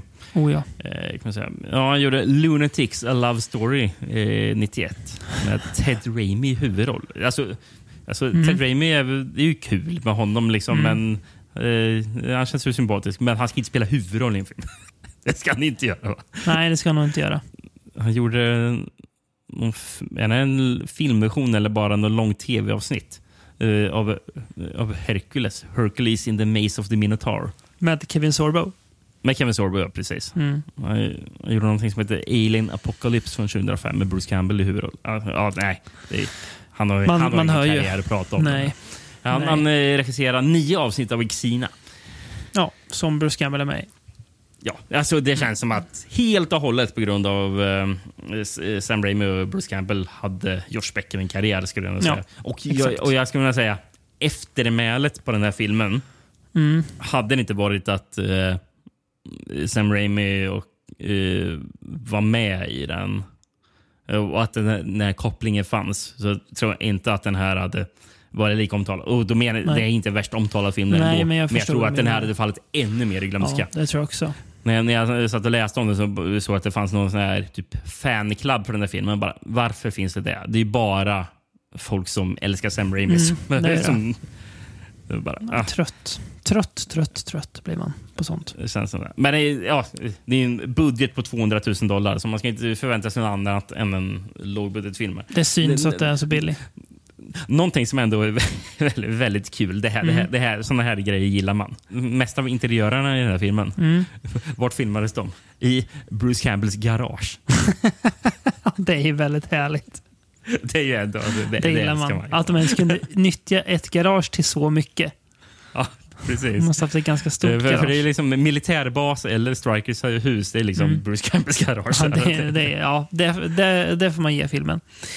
Men eh, nej, jag vet inte. Det är inte kul. Här. Nej, det är ju inte det.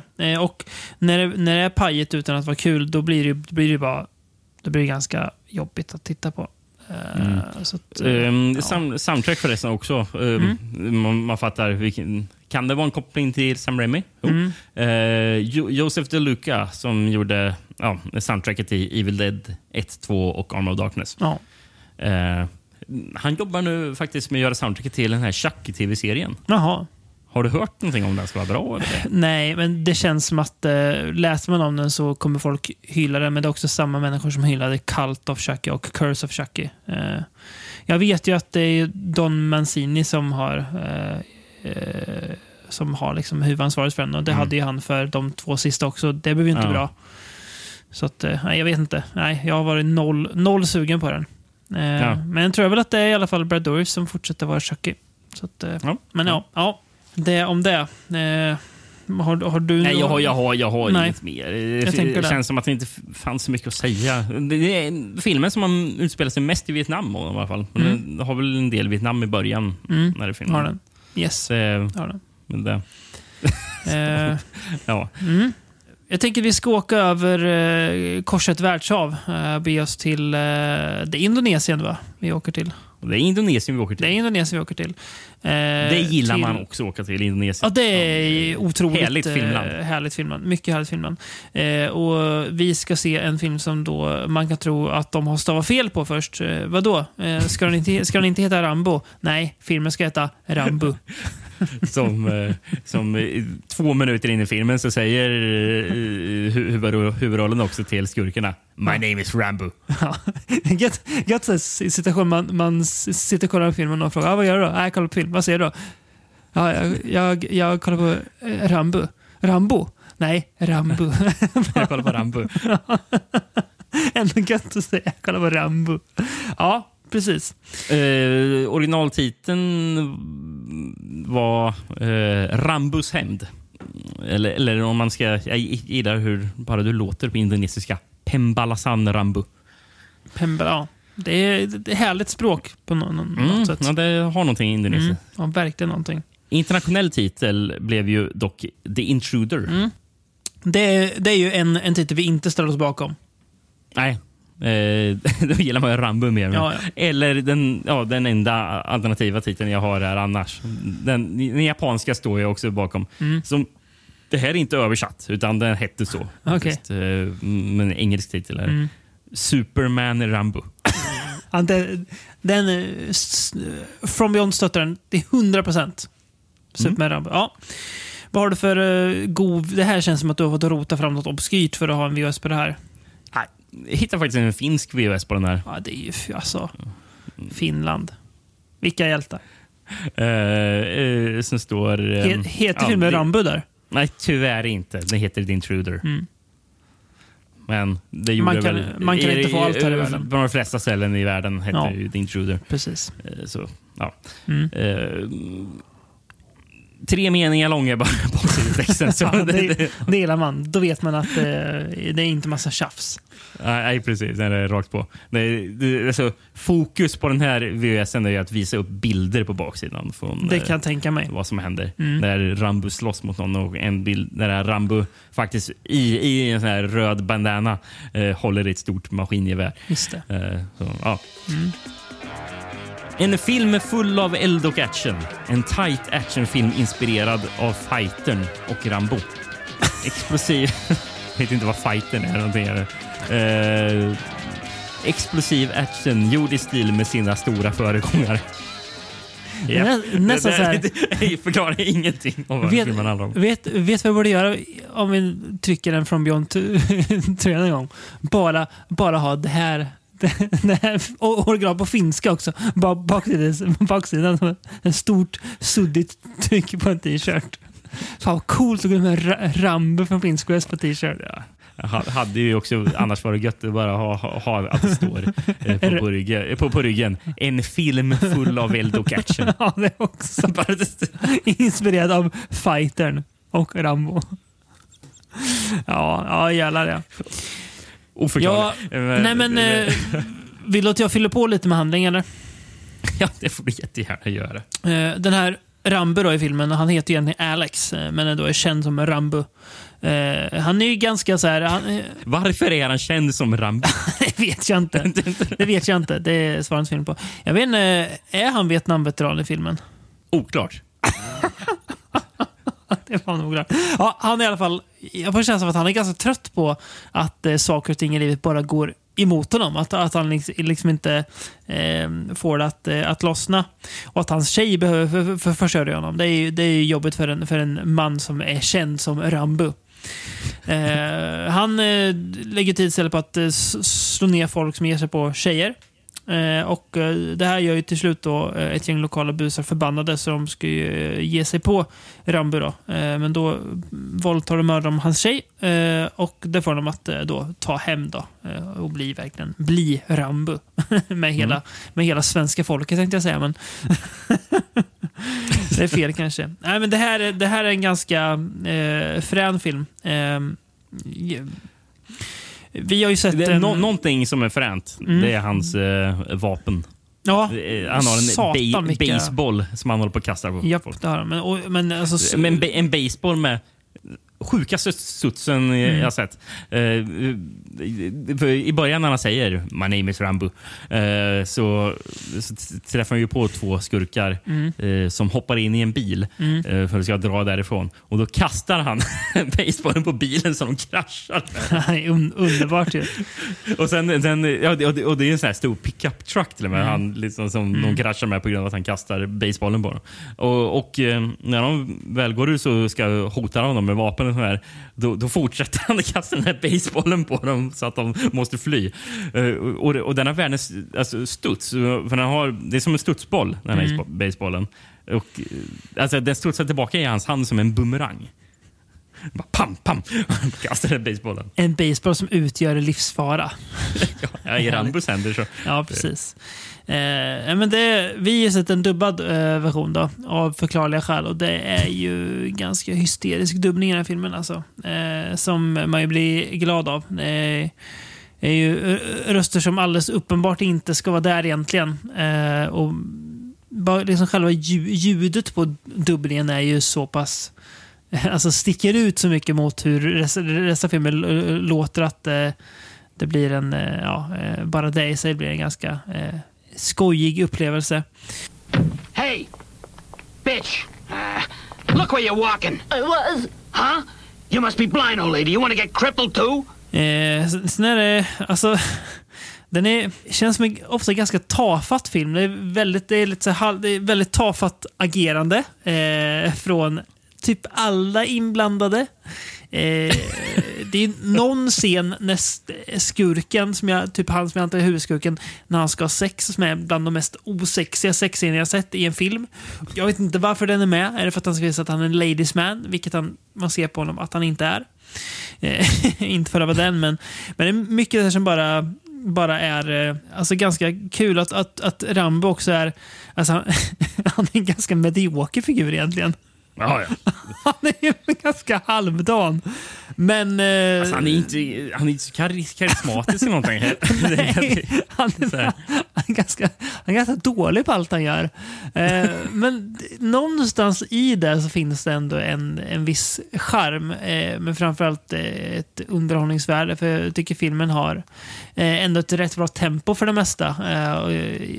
Det är ändå så pass många saker som händer att jag inte blir uttråkad. Eh, Ja, det, det, det enda grejen som är segt egentligen, det är ju när den faktiskt försöker ha någon, uppvisa någon form av handling. Ja. När den ska bara, okej nu måste vi faktiskt berätta vad plotten här. Bara, Precis. där drar ner den. Eh, Men, ja, men den är ju rätt så festlig att kolla Ja, på ändå. det Det, det, det tycker jag. Regisserad av uh, Joppi Burnama. Ja. inget namn jag känner igen, men han har gjort en film som låter ju främst som heter Ferocious Female Freedom Fighters, bland annat. Precis den jag tänkte på också. namn. Med Barry Prima. Fina Barry Prima som vi har sett i The Warrior. Sen har vi då, uh, i huvudrollen har vi, uh, jag vet inte, är han amerikan eller Peter O'Brien? Oklart Ja. Mm. om han är amerikan eh, eller ej. Han har ju varit med i, i en annan film eh, av samma manusförfattare som Mm. den här filmen.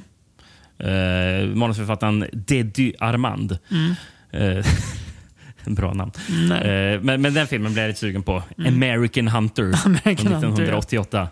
Eh, där är ju um, Peter O'Brien med. Mm. Hu- Huvudrollen i den dock eh, spelas av Christopher Mitchum. Okej. Jag kan läsa handlingen på den, den låter festlig.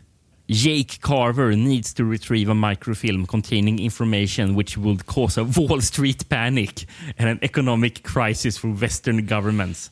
Also seeking the microfilm is the villainous Adam who plans to sell the microfilm to the highest bidder. Fistfights, explosions and car chases ensue. Man blir sugen bara man hör mic- microfilm. blir man ju sugen. Ja, det är fränt. Jag noterar också att han eh, tillsammans med två av andra skådespelarna, eh, Craig Gavin och eh, Kaharuddin Sya, har gjort en film som heter The, Stabilizer. Jag såg att alla tre har varit med också. Mm. Ja, kul. Så den eh, kanske man också ska Ja, men, se. ja, precis. Och The Stabilizer är gjord av samma regissör som American Hunter. Ja, du ser. Så att, eh, ja, indonesisk action är ju inte ett avsnitt som skulle passa från Beyond dåligt. Nej. Nej. Jag hörde, eh, han, andra regissören, Arizal som han heter, har ju också gjort Final Score från 86 med Christopher Mitchum som jag läst mycket gott om här. Den ska ju vara rätt så galen. Ska den vara. Mm.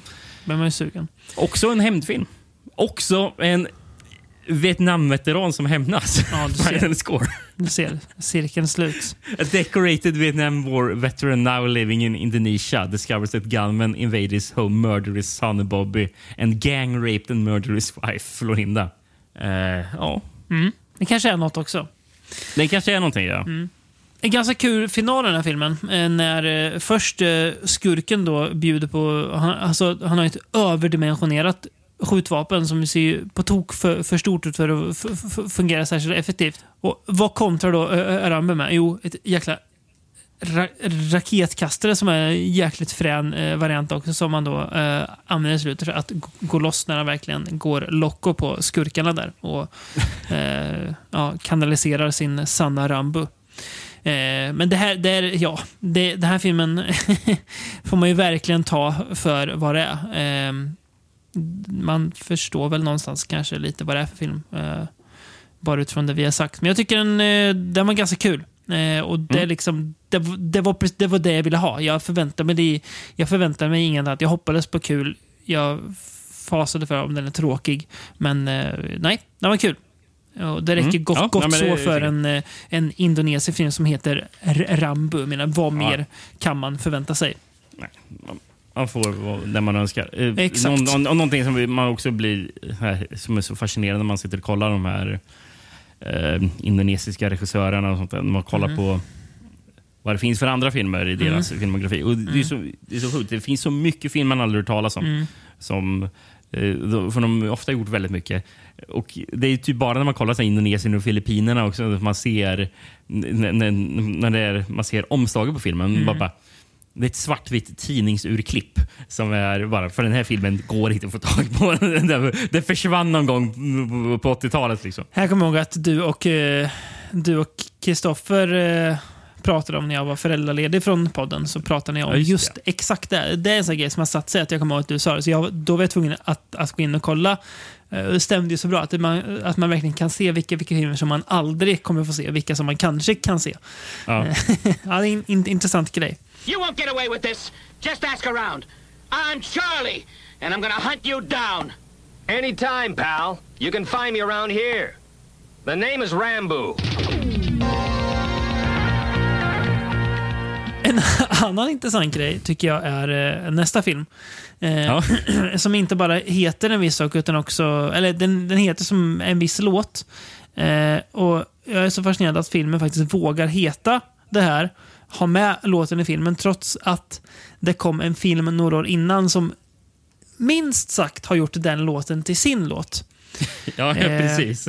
Det, det är så sjukt att den, att den låten kan förekomma i något annat än den andra filmen. då. Några år senare liksom. Eh, och he, alltså, utan att vara någon så här referens till originalfilmen. Eh, det är ju liksom, ja. eh, filmen och låten vi pratar om är Eye of the Tiger. Gary Busey is Buck Matthews. After four years in Nam and three years in prison, he's come home to find his family and his worst enemy waiting for him. These people killed my wife, and nobody's doing a thing about it. Face to face, fist to fist, and only one will survive. You and me! Gary Busey, Yaphet Koto, Eye of the Tiger.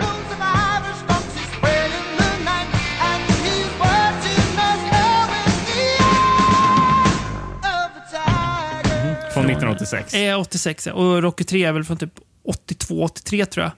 Så Ja. det är ändå några år tidigare. Liksom, så att, eh, den, eh, den har sannoliken eh, satt sig i eh, kulturen redan. Men det sket Richard C. Sarafian och eh, övrigt folk bakom den här filmen blanka fan i. Den ska heta the Tiger och låten ska vara med.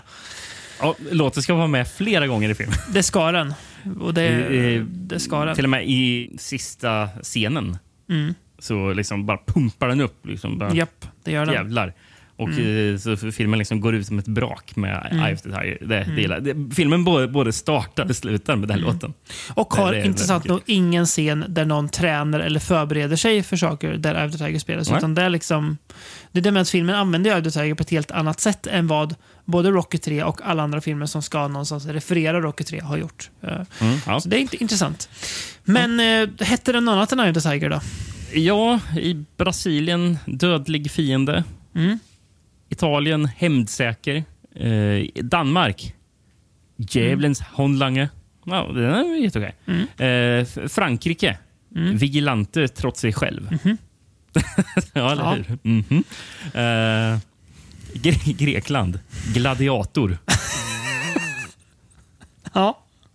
Eh, och sist eh, Tyskland tigern infernots timme. Det ganska bra ändå.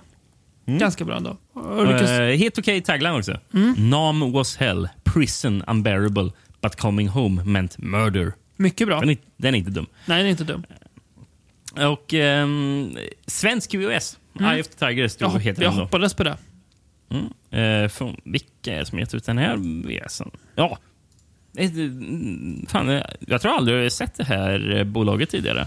Har du koll på Jaguar Films? Nej, helt nytt för mig också. Det är, Spännande. det är coolt. Mm. Man hittar, hittar något nytt plötsligt. Så här. Mm. Cool logga hade de på en Jaguar. Tagline på svenska står eh, på framsidan. Gud förlåter, det gör inte jag. inte det taget från något annat? Jo. Det låter otroligt bekant. Mm. Det låter nästan som en gammal västerrulle. Eh, ja, och de gillar den så mycket så det står både på fram och baksidan samma, samma citat. Gör det. Klart det gör. De tunga fängelseportarna slås upp. Matthews är en fri man. Men efter att just ha lämnat ett helvete kastas han snart in i ett nytt. Sent en kväll räddar han en ung kvinna från att bli våldtagen av ett mc-gäng. Men nästa natt blir hans fru deras offer. När Matthews ber om hjälp vänder hela staden ryggen till. Han står helt ensam och bara en sak återstår. Han tänker inte, han tänker inte vara den bussiga killen längre. Gud förlåter. Matthew, Matthews gör det inte. Ja, bra ju. Nej, det, det, det gillar jag. Mm. Det tycker det, jag. är, det är kul att det är Gary Busey som eh, faktiskt protagonist här och in, inte eh, skurk. Eh, som man ju annars generellt sett tänker att, att han är. Precis, det är ov- ovant att se honom i en sån här Mm. eh, roll faktiskt. Mm, väldigt Eh, nedtonad roll också. Alltså han... Eh, Ja. ja. Mm. Det är ju Eh. att Busey inte spelar en roll. Alltså Busey har ju liksom blivit en persona också, så det är klart. Men, och det, hans eh, prestationer i filmen Det är rimmar väl lite inte för med tidigt personen. för att Det det. han kanske hade Precis. nått den, eh, Exakt. Det är det verkligen. den biten i sin karriär Mm. kanske. Um, ser ut som filmen är nedklippt också på den svenska VHSen förresten. Mm. Det står som 1.32 på IMDB. På den här baksidan på VHSen står det 1 timme och 20 minuter. Oj. Och står ändå som barnförbjuden. Mm. Ja. Och det kan man förstå att den är. Eh, den är ganska eh, ösig och rätt eh, våldsam. Eh, Mm. typ en, en scen där jag gillar en, en fälla. Det är väl ett eh, en typ stålvajer eller någonting han har, har satt upp eh, som kapar huvudet rakt av på en av de här eh, MC-fulingarna. Då. Eh, Så det är ga- ganska hårt. Eh, men hårt på riktigt blir det ju när han eh, liksom efter ett tag i filmen får med sig sin radarpartner Jaffet Kotto. Jävlar vad glad jag blev. Jag hade ingen aning om att han skulle vara med. Och sen bara när han dyker upp, bara, ja! Ja. Man blir alltid glad när man ser Ja, Jeff Kotto. Väldigt, väldigt härlig eh, person och skådis. Eh, och när han bara eh, köttar på liksom. Eh, den här filmen trycker trycker ju inte så mycket på just Vietnamtraumat kanske, men spelar mycket på att han dels först kommer hem därifrån, dels först... Vad är det för brott han har begått nu igen? Det är väl någon skitgrej han har gjort som gjort att han är i fängelse. Bra fråga. Vad var det för Jag har för mig att det är någon skitgrej han har gjort. Mm, jag har inte skrivit ner vad det var för någonting. Nej, ja, men eh, jag har för mig att det var en struntgrej och att, att han liksom eh, nu äntligen ska han få liksom leva sitt fria liv och så blir det bara skit ändå. Eh, så att man, man känner ju för honom. Jag tycker Gary Busey eh, är sympatisk. Han är lätt att Ja, men eh, jag tycker han gör den här rollen bra. Funkar ju Det- jättebra som, som eh, liksom huvudroll och eh, Jag, liksom, jag, hjälte i gillar, filmen. hon- jag gillar hans karaktär Mm, eh, i, jag i också. filmen. Gör jag. Buck Matthews. För det är någonting, han ska liksom försöka vända hela staden, Mm. få med sig hela staden mot Mm. det här. För det, är liksom, det, det känns inte som i de andra, för de andra filmerna är liksom det är kar, huvudpersonens hämnd. Liksom. Mm. Visst, det är ju hans hämnd i den här också, men det är nästan som att det är staden också som ska vara emot eh, det här mc-gänget och Precis. korruptionen Mm. eh, med den här eh, sheriffen och vad det är också. Ja, vilket Ja. jävla arslan alltså. sheriffen. jösses, jösses. Ja, nej men Eh, precis. nej, men, det är men, det, det blir, blir en det blir en intressant annan eh, Mm. tolkning här. Blir det. Eh, Att, att det inte bara är Gary Busey. Liksom, på det sättet. Precis. Och jag, och jag tycker det är bra de här scenerna när han pratar med de Mm. de andra eh, här i stadens befolkning. Liksom, Mm. Som försöker få med. You people. Don't you know what's going on out there? You know, it don't matter how we wish things were. It matters how we deal with how they are. Men den är ju ösig den här filmen. Mm, det är den. Sista akten med eh, när det blir typ som att fan, är de tillbaka i Vietnamkriget eller? Det känns nästan Eh, det. de, de, de kommer med en eh, pickup-truck och kör någonting som ser ut som ett stort slagfält. Och då den här ledaren av MC-gänget, vet han Blade, Ja. eh, han eh, står med artilleri. Står han och hans eh, MC, MC-soldater. Mm. Eh, De är till och med i militär eh, kläder. Japp. Har de på, eh, sån här camo- camouflage. Eh, Mm. De står med artilleri och skjuter längs eh, sån här vägen som de kör med. det är stenhårt. Där. Det är väldigt och, och sen så har här scener där Jeffet Kotto flyger i en sån här, är det en sån här vad heter det, crop duster. Sån här flygplan som ska Ja. bespruta fält. Det. Mm, mm. Men, men den här crop dustern har ju bestyckat med bomber som de släpper och sen så har han ju två, två maskingevär på, Mm. en, en, på, på vingarna. Man inte vet hur han kan skjuta med, men Nej, det men kan han. eh, Det han har dem. Han har dem. Det är, det är stenhårt. Där. Det är väl, väldigt hårt. Är det. Eh, det är en hård film, men utan att bli för dum också. Jag ser liksom, Eh, det, det, det har, den har en sån här balans där som gör Ja. att det inte känns korkat. Mm. Gör det inte. Nej, precis. Nej, exakt. Nej, det gör, nej, det gör inte det. Ja, och det tycker jag inte. Det känns som 86 är verkligen så definitionen av att sådana här filmer var korkade. Alltså att, för att då, då var det liksom snarare att man skulle vara så mycket istället för att eh, vara substans. Eh, men filmen lyckas Mm. liksom vara både substans och vara ganska mycket. Eh, jag tror att mycket av det kan nog ligga i Gary Busey faktiskt. Eh, och hans eh, rolltolkning. För att det är så himla lätt att tycka om honom och eh, känna för hans hämnd. Så att, Mm, eh, mm. Det gör mycket för filmen. Regissören, du nämnde han snabbt, Mm. eh, Richard C. Serafian. Eh, Mm. Han har ju gjort eh, Vanishing Point. Mm. Som väl ibland kallas för den, den bästa biljaktsfilmen någonsin, va? Typ. Ja, eller eller den, den bästa bil, biljakten i en film. Har du ja, sett precis. Nej, jag har inte sett Vanishing Nej, Point. det Eh, borde man kanske gjort, men ja. Han, han var ju faktiskt... Eller ja, han, jag, jag läste det först som att han var med i Koreakriget. Det var väl inte riktigt. Han, han var i Kansas City under Kor- Koreakriget. Mm. Han, var, han var väl liksom... Han, han var väl med i militären, men eh, Ja. ja. satt, satt i Mm. Kansas. USA, ja. Men Mm. där så träffade han eh, Robert, Al- Robert Altman. Mhm. Så de blev eh, vänner. Jaha. Eh, och Richard C. Serafian gifte sig sen med Altmans syster. Jaha. Så de, de, de var vänner de, de, de två. Vad spännande. Ja, Eh, och de var, de ja. var till och med så, så goda vänner att han inte hade några problem med att, att han, liksom, Ja, att han blev ihop med hans syster. Det verkar som att det var okej. Ja, det är fan sann vän- vänskap det. Serafian eh, höll på med lite tv sen på 60-talet. Mm. Han eh, regisserade till, med, till exempel här ett av de mer kända Twilight Zone-avsnitten, eh, Living Doll. Mm.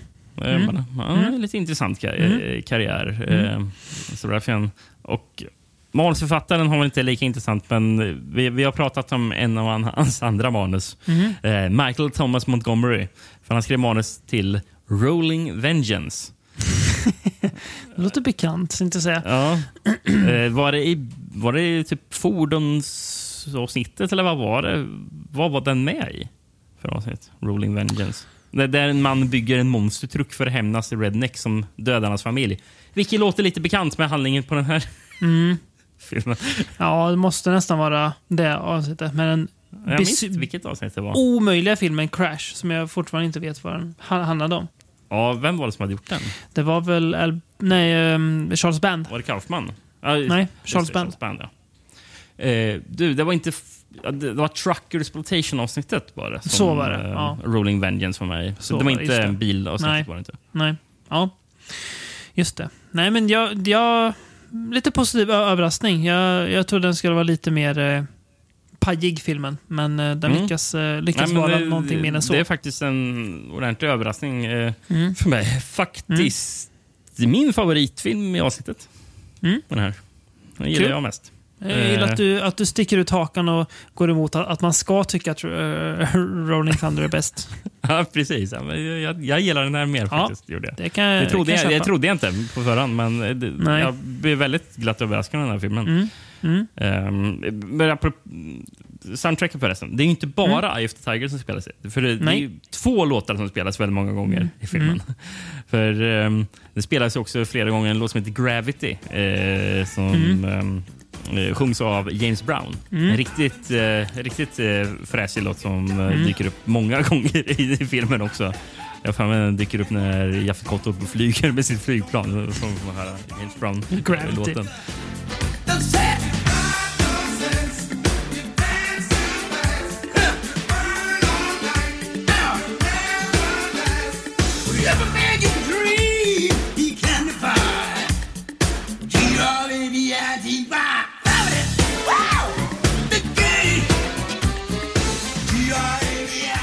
Don Preston heter han som har gjort soundtracket i övrigt. Mm. Eh, spelade keyboard med Frank Zappa på 60 och 70-talet.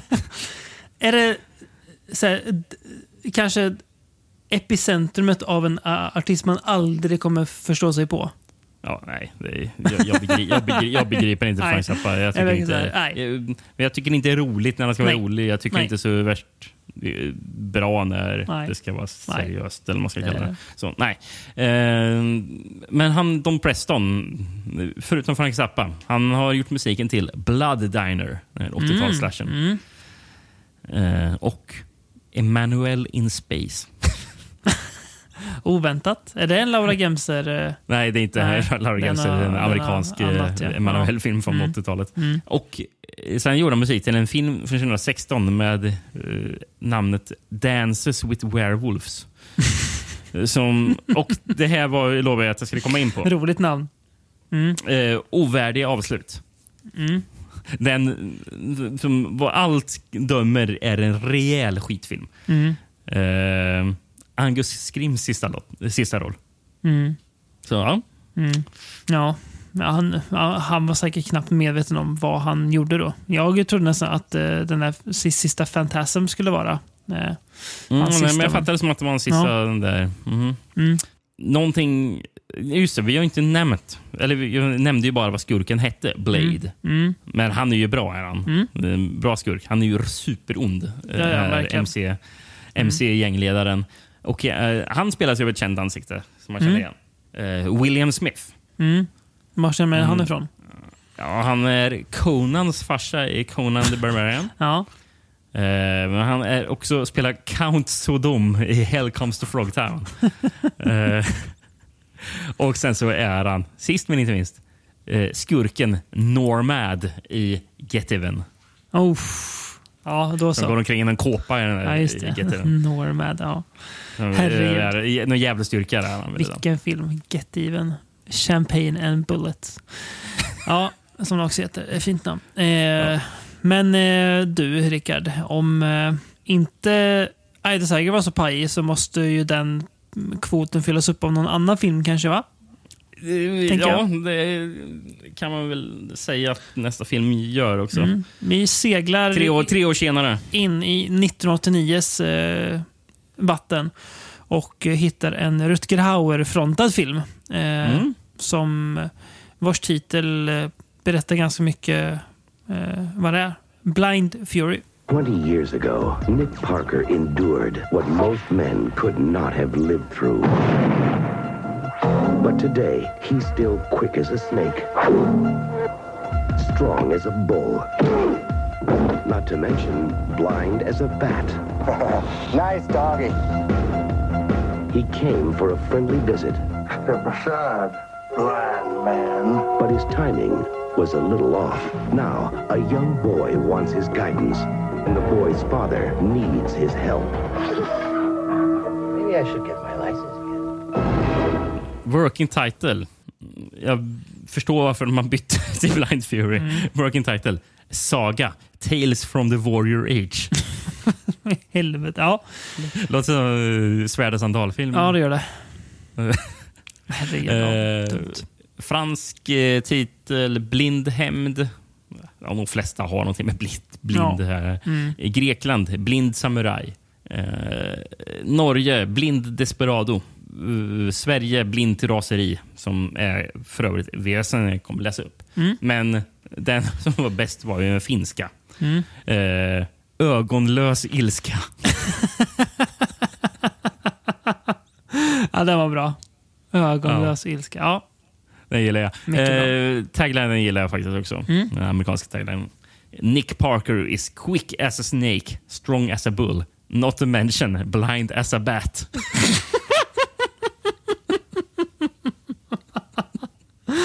Den är faktiskt Otroligt. jättebra. Ja, väldigt bra. Väldigt kul. Men svensk VHS här på Blind till raseri. Eh, vilka är det som har gett ut den? Transworld. Transworld. Mm.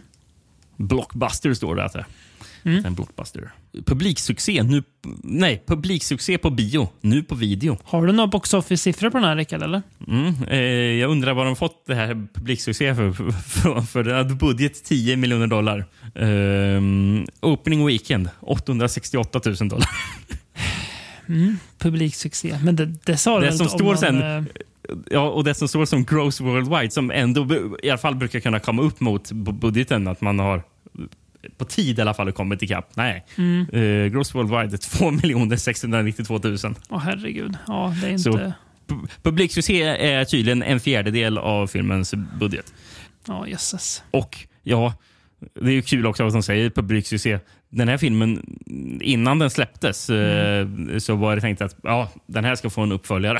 Mhm. Sen när man såg eh, publiksuccé-siffrorna bara, nej, det blir, det blir ingen Vi uppföljare. på hoppar över där va? Vi hoppar över där va?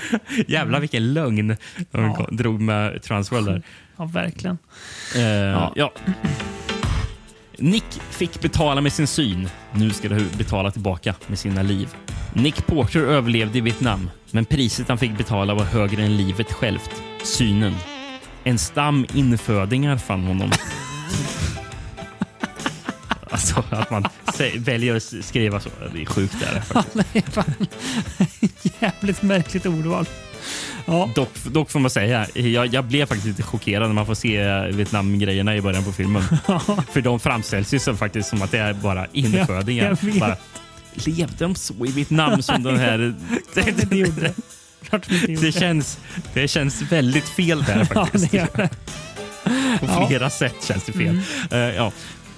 Eh, en stam infödingar fann honom, tog hand om honom och tränade honom till, upp honom till krigare. Då, då Nick återvände till USA söker han upp sin bäste vän från Vietnam, Frank. Han hamnar mitt i en kallblodig avrättning. Frank är spårlöst försvunnen. Det visar sig att, hans, att han är i klorna på maffian. Ursinne ger sig Nick efter för att hjälpa sin vän. Allt han har är sitt svärd och sin blinda vrede. Men det är allt han behöver. Det kommer man långt på, så att säga. Fan, Den, Ja. här, den här boxen har sånt det här saknar man ju. Det, är så sällan man ser det här. Och det var länge sedan vi nämnde det på någon svensk VHS. Men den har Mm. den här bilder, den en liten text på, till bilderna. Som, Mm. En liten Mm. pil som pekar. Det Och det är såna här meningslösa grejer. Ja, en bild på. Rutger... Ru- Det är sån här, men den här.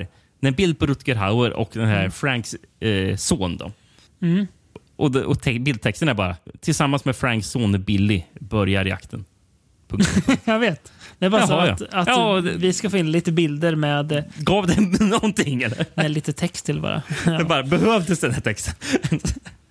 Eh, Men vi kan, ju, vi kan nämna lite fler skådespelare som dyker upp. Eh, Frank spelas ju av, eh, blev jag så chockad över, för han står ju som Terrence O'Quinn. Eh, Ja. Och då tänkte jag, ja ja, men sen bara, men va, det där är ju Terry O'Quinn. Och då bara, ja såklart.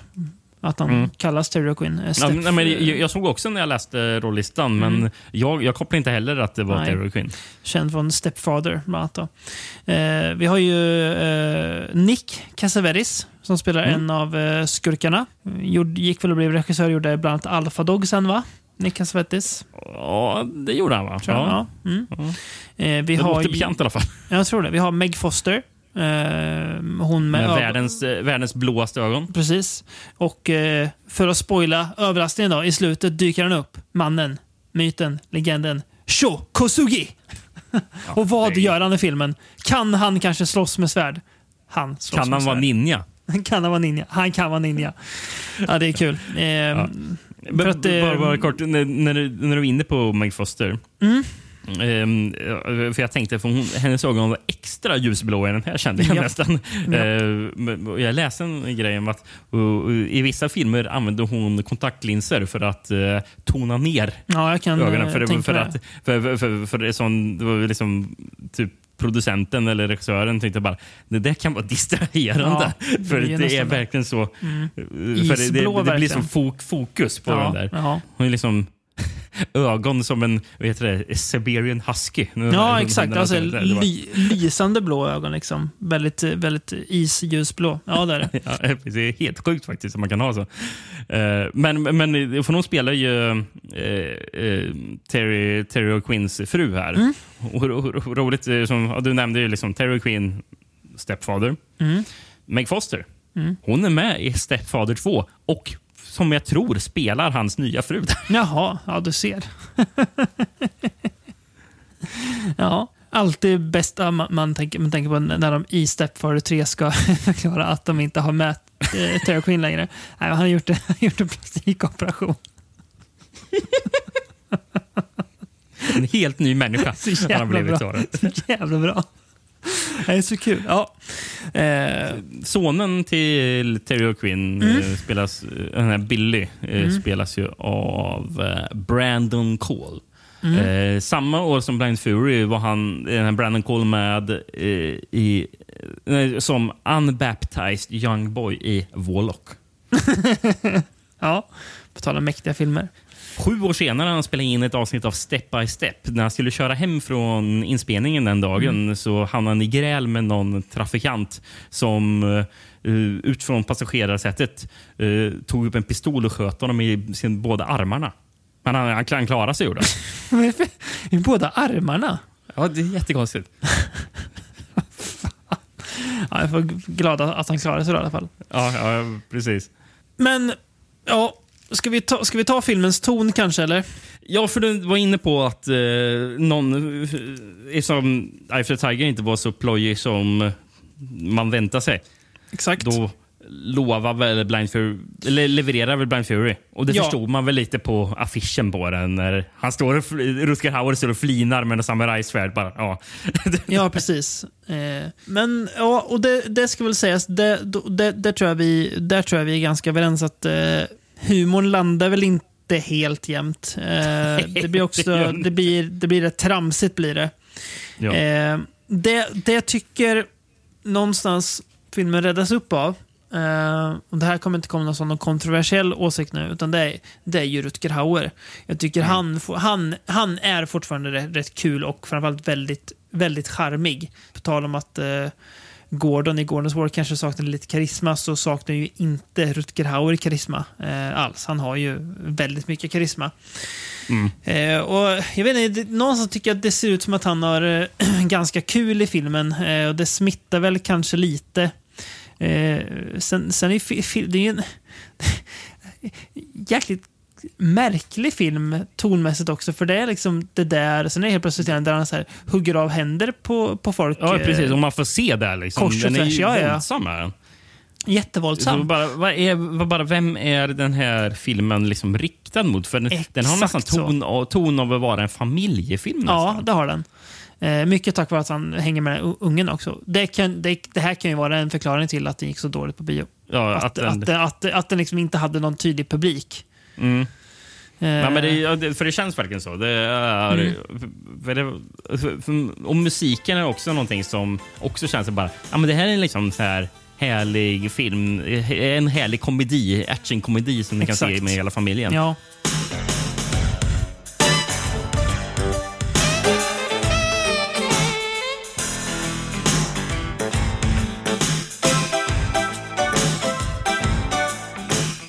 För så är eh, hela soundtracket, tycker jag. Mm. Ehm, av J. Peter Robinson.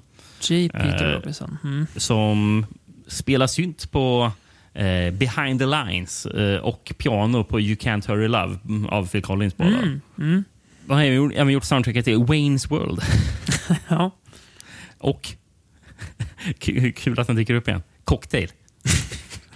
Du ser. Kommer aldrig bli av med den här filmen. Eh, och ehm, New Nightmare gjorde han soundtra- soundtracket på. Mm. Och det här, jag gissar på att det här måste vara en amerikansk release. För han gjorde soundtracket till ja, Jackie Chans eh, Police Story 2. Mm. Ja, det borde Eh. rimligtvis vara, ja. Och återigen, var den här med i Bilpodden istället då? För han gjorde soundtrack till The Wraith. Den var med. Den var med. Co coola The Wraith. Eh, ja, nej, men... Eh, Nej, men det, det, det är liksom all over the place. Ja, det är det. Eh, Och det är det Mm. jag tycker att... Jag förstår det. Det gör att jag har svårt liksom att fast, den är fastna ganska- i filmen på grund av det. Men den, den, har ju absolut sina, sina stunder. Det är Ja. ju ändå coolt liksom, med tjock och sug. Ja, det är det. ju- det. Ganska bra, bra liksom slutfight-scen också. Eh, Mm. Där tycker jag. Som håller på typ lagom länge. Eh, inte för långt och inte för kort. Utan, Ehm, eh, och Rutger Hauer, det här var med igenom. Han, han, han har ju sagt att det här var en av de svåraste filmerna han har fått, fått göra. Mm. För han eh, tränade ju... Han har sp- spenderat en månad med tränaren med, med heter han, Lynn Manning. Som Mhm. var eh, en eh, blind man. Då, som Mm. liksom fick träna, liksom, följa honom. hur man är för att- blind, ja. ja. Ja, Precis. Och sen så var det ju en del också koreografi han fick gå igenom. Så det var väldigt krävande för honom Mm, såklart. och, och förbereda för filmen. Mm. Han, han är ganska, känns ganska trovärdigt bli- blind också i filmen va? Ja, ja men det, det, det gör han. ja. Han känns Mm. faktiskt som att han är blind. Mm. Förresten, är det inte konstigt typ, han tränar med det som baksidan säger, de här infödingarna då? Ja, Eh, ja. eh, Stammen. Men, men okej, det är som att för de tränar honom till att typ bli en samuraj. Ja. I Vietnam. Ja. Av, av några, av några i någon stam där inne i djungeln bara. Och va, varför gör de det ens? Vad- Ja, det är också otroligt, otroligt bra fråga. Var, De bara gör det. För, för, de ska ju bara hjälpa honom eh, för att de hittar honom där i djungeln. Ja. Mm. Var, varför tränar honom till att bli en dödlig krigare? Nej, det är, så- ja. Nej, Det- bra, finns bra, bra konstigt är det. Nej, det gör det inte. Nej, det är jätte, jätte, jättemärkligt är det. Eh. Jävlar, vad- apropå märkligt, jag, jag, jag var så förvirrad när uh, Rutger Hauer dök upp där hos Mm. eh, eh, ja, Franks fru och son. Mm. För, som, som jag fattade så... Jag, jag, tror jag hade tolkat det fel och trodde att, att han dök upp där. För, för, för, när han introducerade sig så, så betedde det så, så bara Jaha, du är vän till min make. Mm. Eh, och, och, då bara, okej, han, han dog i kriget, maken Frank. Mm. Trodde jag. Men det bara, men det går inte ihop. För det var ju 20 år sedan, eller det står 20 år senare. Mm. Men sonen är ju uppenbart typ 12 år. Mm. Hur går någonting av det här ihop? Nej, det- men, men, men, men, kort efter så förklarar de bara, ah, okej, han är kidnappad. Okej, Mm. okej. Ja. så jag, jag var totalt förvirrad. Ja, jag förstår det. Det blir lite, lite virrigt där. Eh, Men eh, det här är ju faktiskt inte en helt originell idé, Nej. den här filmen. Nej. Eh, det är roligt, för- för när jag först hörde talas om den här filmen, när man såg Rutger Hauer blind på framsidan med Mm. ett samurajsvärd bara. Mm. Ah, det är lite uh, Satoichi Mm. eh, tolkning. Mm. Typ, liksom. Ja, en, en blind eh, svärdman. Liksom. Mm. Sen så kollade jag upp. Ja, manusförfattaren Charles Robert Carner. Han är ju baserad det här på en Satoichi-film. Ja. Kul nog. Sat- Satoichi 17. Av alla filmer så tog han den. Precis, den 17 filmen. Satoichi Challenge. Satoichi. Ja. Okej. Eh, Men, men, men om man läser handlingen på den så bara, det är likt. Um, Satoichi checks into an inn where he shares a room with an ill woman and their young son named Ryota. Before the woman dies, she requests Satoichi take her son to his father, an artist living in the nearby town of Maibara. Mm. Man bara, ja, det är, Mm. det är väldigt likt. Ja, verkligen. Ja. Och, och det var ju... Eh, om jag fattar det som... Och producenten till filmen var också en sån här, eh, en fa- fan av Satoichi-filmerna. Mm. Det, är inget, det är inget sammanträffande där med Nej. kopplingen till Satoichi. Det är ganska Ehm, uppenbart Det finns ingen koppling på regissören dock. Men något annat som, apropå sammanträffande, det är sjukt att det här fortsätter dyka upp i våra avsnitt. Philip Noyce, skulle sägas. Med regissören. Mm. Mm. Och vad har Philip Noyce regisserat? No, Food of the Gods Part 2. Nej. Nej. Nej. Nej. Men i Samlarens spår, eller The Bone Collector.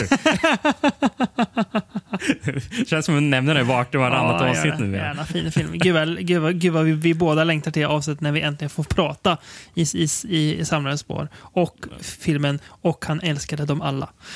Det blir fina. Men, eh, och det sista jag har på filmen det är manusförfattaren. Och det är också så här. Mm. För det här visste jag inte när jag skrev ner anteckningarna. Att, eh, att, att, att det skulle dyka upp, att jag skulle prata om det i en av de tidigare filmerna. Nej. Men han som har skrivit manuset, eh, Charles Robert Carner, Mm. han regisserade en tv-remake av ja, Vanishing Point. Jaha. Ja. Eh, från eh, 97 med Viggo Mortensen och Jason Priestley. Jaha. Jason Priestley är väl Beverly Hills-skådis, va? Eller? Ja, precis. Och sen så 2000 gjorde han också en tv-film, Who Killed Atlantas Children, eh, med James Belushi och Gregory Hines. Hon är Atlanta Child Murders, ja, som är med i Ja, det handlar ju om det som... eh, Mindhunter säsong 2, va? Precis. Eh, och, och det sista grejen, apropå tragiska eller snöpliga och ovärdiga avslut. Mm. Charles Robert Carner, han... Vad jag förmodar är en fruktansvärd film. För han skrev, Mm. skrev och regisserade den här Witless Protection med Larry the Cable Guy i huvudrollen. Mm. Och apropå snöpliga och värdiga avslut. Och det här, jag visste inte att eh, skådespelaren jag ska nämna var med i eh, en tidigare film vi pratade om. Mhm. Men eh, Witless Protection med Larry, Cable Mm. Larry the Cable Guy. Sista filmen med Jeff Scotto. Ja, det är... Uff. Ja, det är Det ju deppigt, är det. ruskigt ovärdigt. Är det. Ja, det är det- deppigt. Är det. Det är liksom ni, ni, nivå med Avenging Angel och Peter O'Toole som vi pratade om förra Mm. avsnittet. Liksom. Verkligen. Ja, nej, det, men eh, så deppigt kan vi inte gå ut. Nej, vilket, vilket slutar med en sån downer. Nej. Eh, nej, Men ja, eh, hur ska man summera det? nej men jag, jag tycker det är intressant för att jag tycker att filmerna ändå de är väldigt olika varandra. Eh, trots att de... Precis, det är väldigt mycket bredd. I början var Ja. jag lite orolig över att bara, ja, ska allting bli lite väl... Samma sak, ja. Men Mm. Och det tycker jag någonstans är fascinerande att man, alltså att man tar en, en så tydlig fo- formel men ändå kan variera den på så många sätt eh, utan att det känns eh, varken långsökt att det är Vietnamkoppling eller att det känns som en liksom, eh, kopia på något annat. Utan de funkar eh, för sig själv. Sen funkar de olika bra, absolut. Eh, Mm. Men eh, man, man köper ändå liksom Vietnamkopplingen i dem. Mm. Eh, Och ja, i, i överlag så tycker jag väl att man... Så jag ska, man kan väl typ rekommendera alla filmer förutom kanske Thou shalt not kill. Då. Den kan Ja, man ju Thou shalt not kill är ju en kuriositet om man är liksom Raimi Campbell kompletist. Det är bara, Ja. ba, bara det liksom. Annars känns det Eh, som att det inte finns så mycket anledning, anledning att kolla på den. Precis. Eh, Eh, jo, Blind. Fury är väl min... eh, Ja, den landar någonstans i mitten där. Mm. Det är tonen som är lite överallt. Mm. Men annars tycker jag Gordons War, den är kul. Mm. Eh, Rambo, absolut eh, sevärd om man tycker uh, festlig i, i, i Indonesien action är kul. Så Precis. Då, eh, låt gå. Och ja, Rolling Thunder är din favorit. Mm. Den, är, den är absolut sevärd. En bra Mm. film. Mm. Och Eye of the Tiger tycker the jag Tiger, är en riktigt bra actionfilm. Ja, jag blir glad att det är din favorit. Det är liksom behövs att, det, att, att den blir no, någons favorit i avsnittet. Ja. Så att, att det inte Ja, blir... det eh, omöjligt. Ja, absolut. Eh, ja, eh, och förtjänar kan man ju prata om att göra. Eh, förtjänar uppmärksamhet gör en regissör, sannerligen, som vi kommer ägna nästa avsnitt åt helt och hållet. eh, en man som eh, eh, aldrig liksom var bland de stora. Eh, namnen i italiensk genrefilm, men som ändå har satt eh, sina spår där. Eh, så hans, några av hans smutsiga eskapader på filmduken ska vi ge oss på i nästa avsnitt. Ja. Men det, det Ja, tar det vi såklart ser man kommer dit. Det gör man verkligen.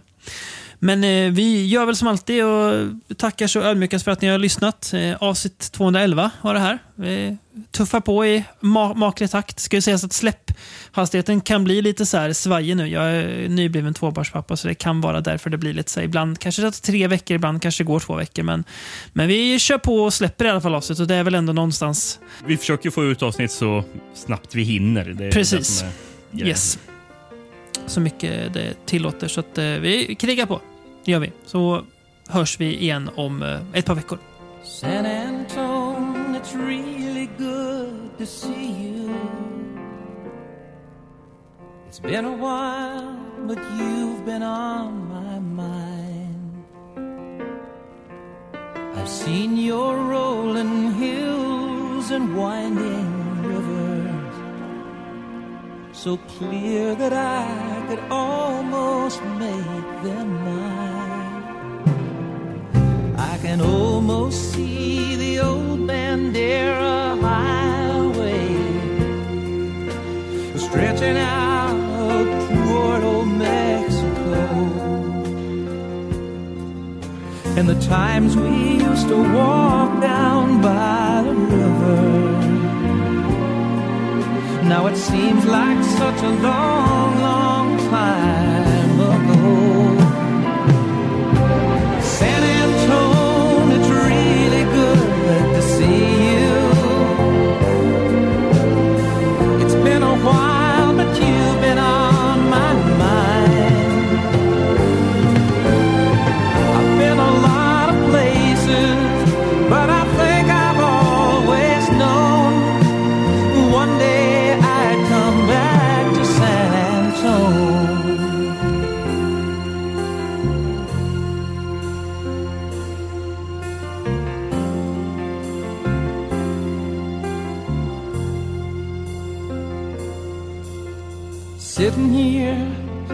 Looking out the window, thinking just how good things used to be. Well, I might be coming back to only memories. Over San Antone, sure look good to me.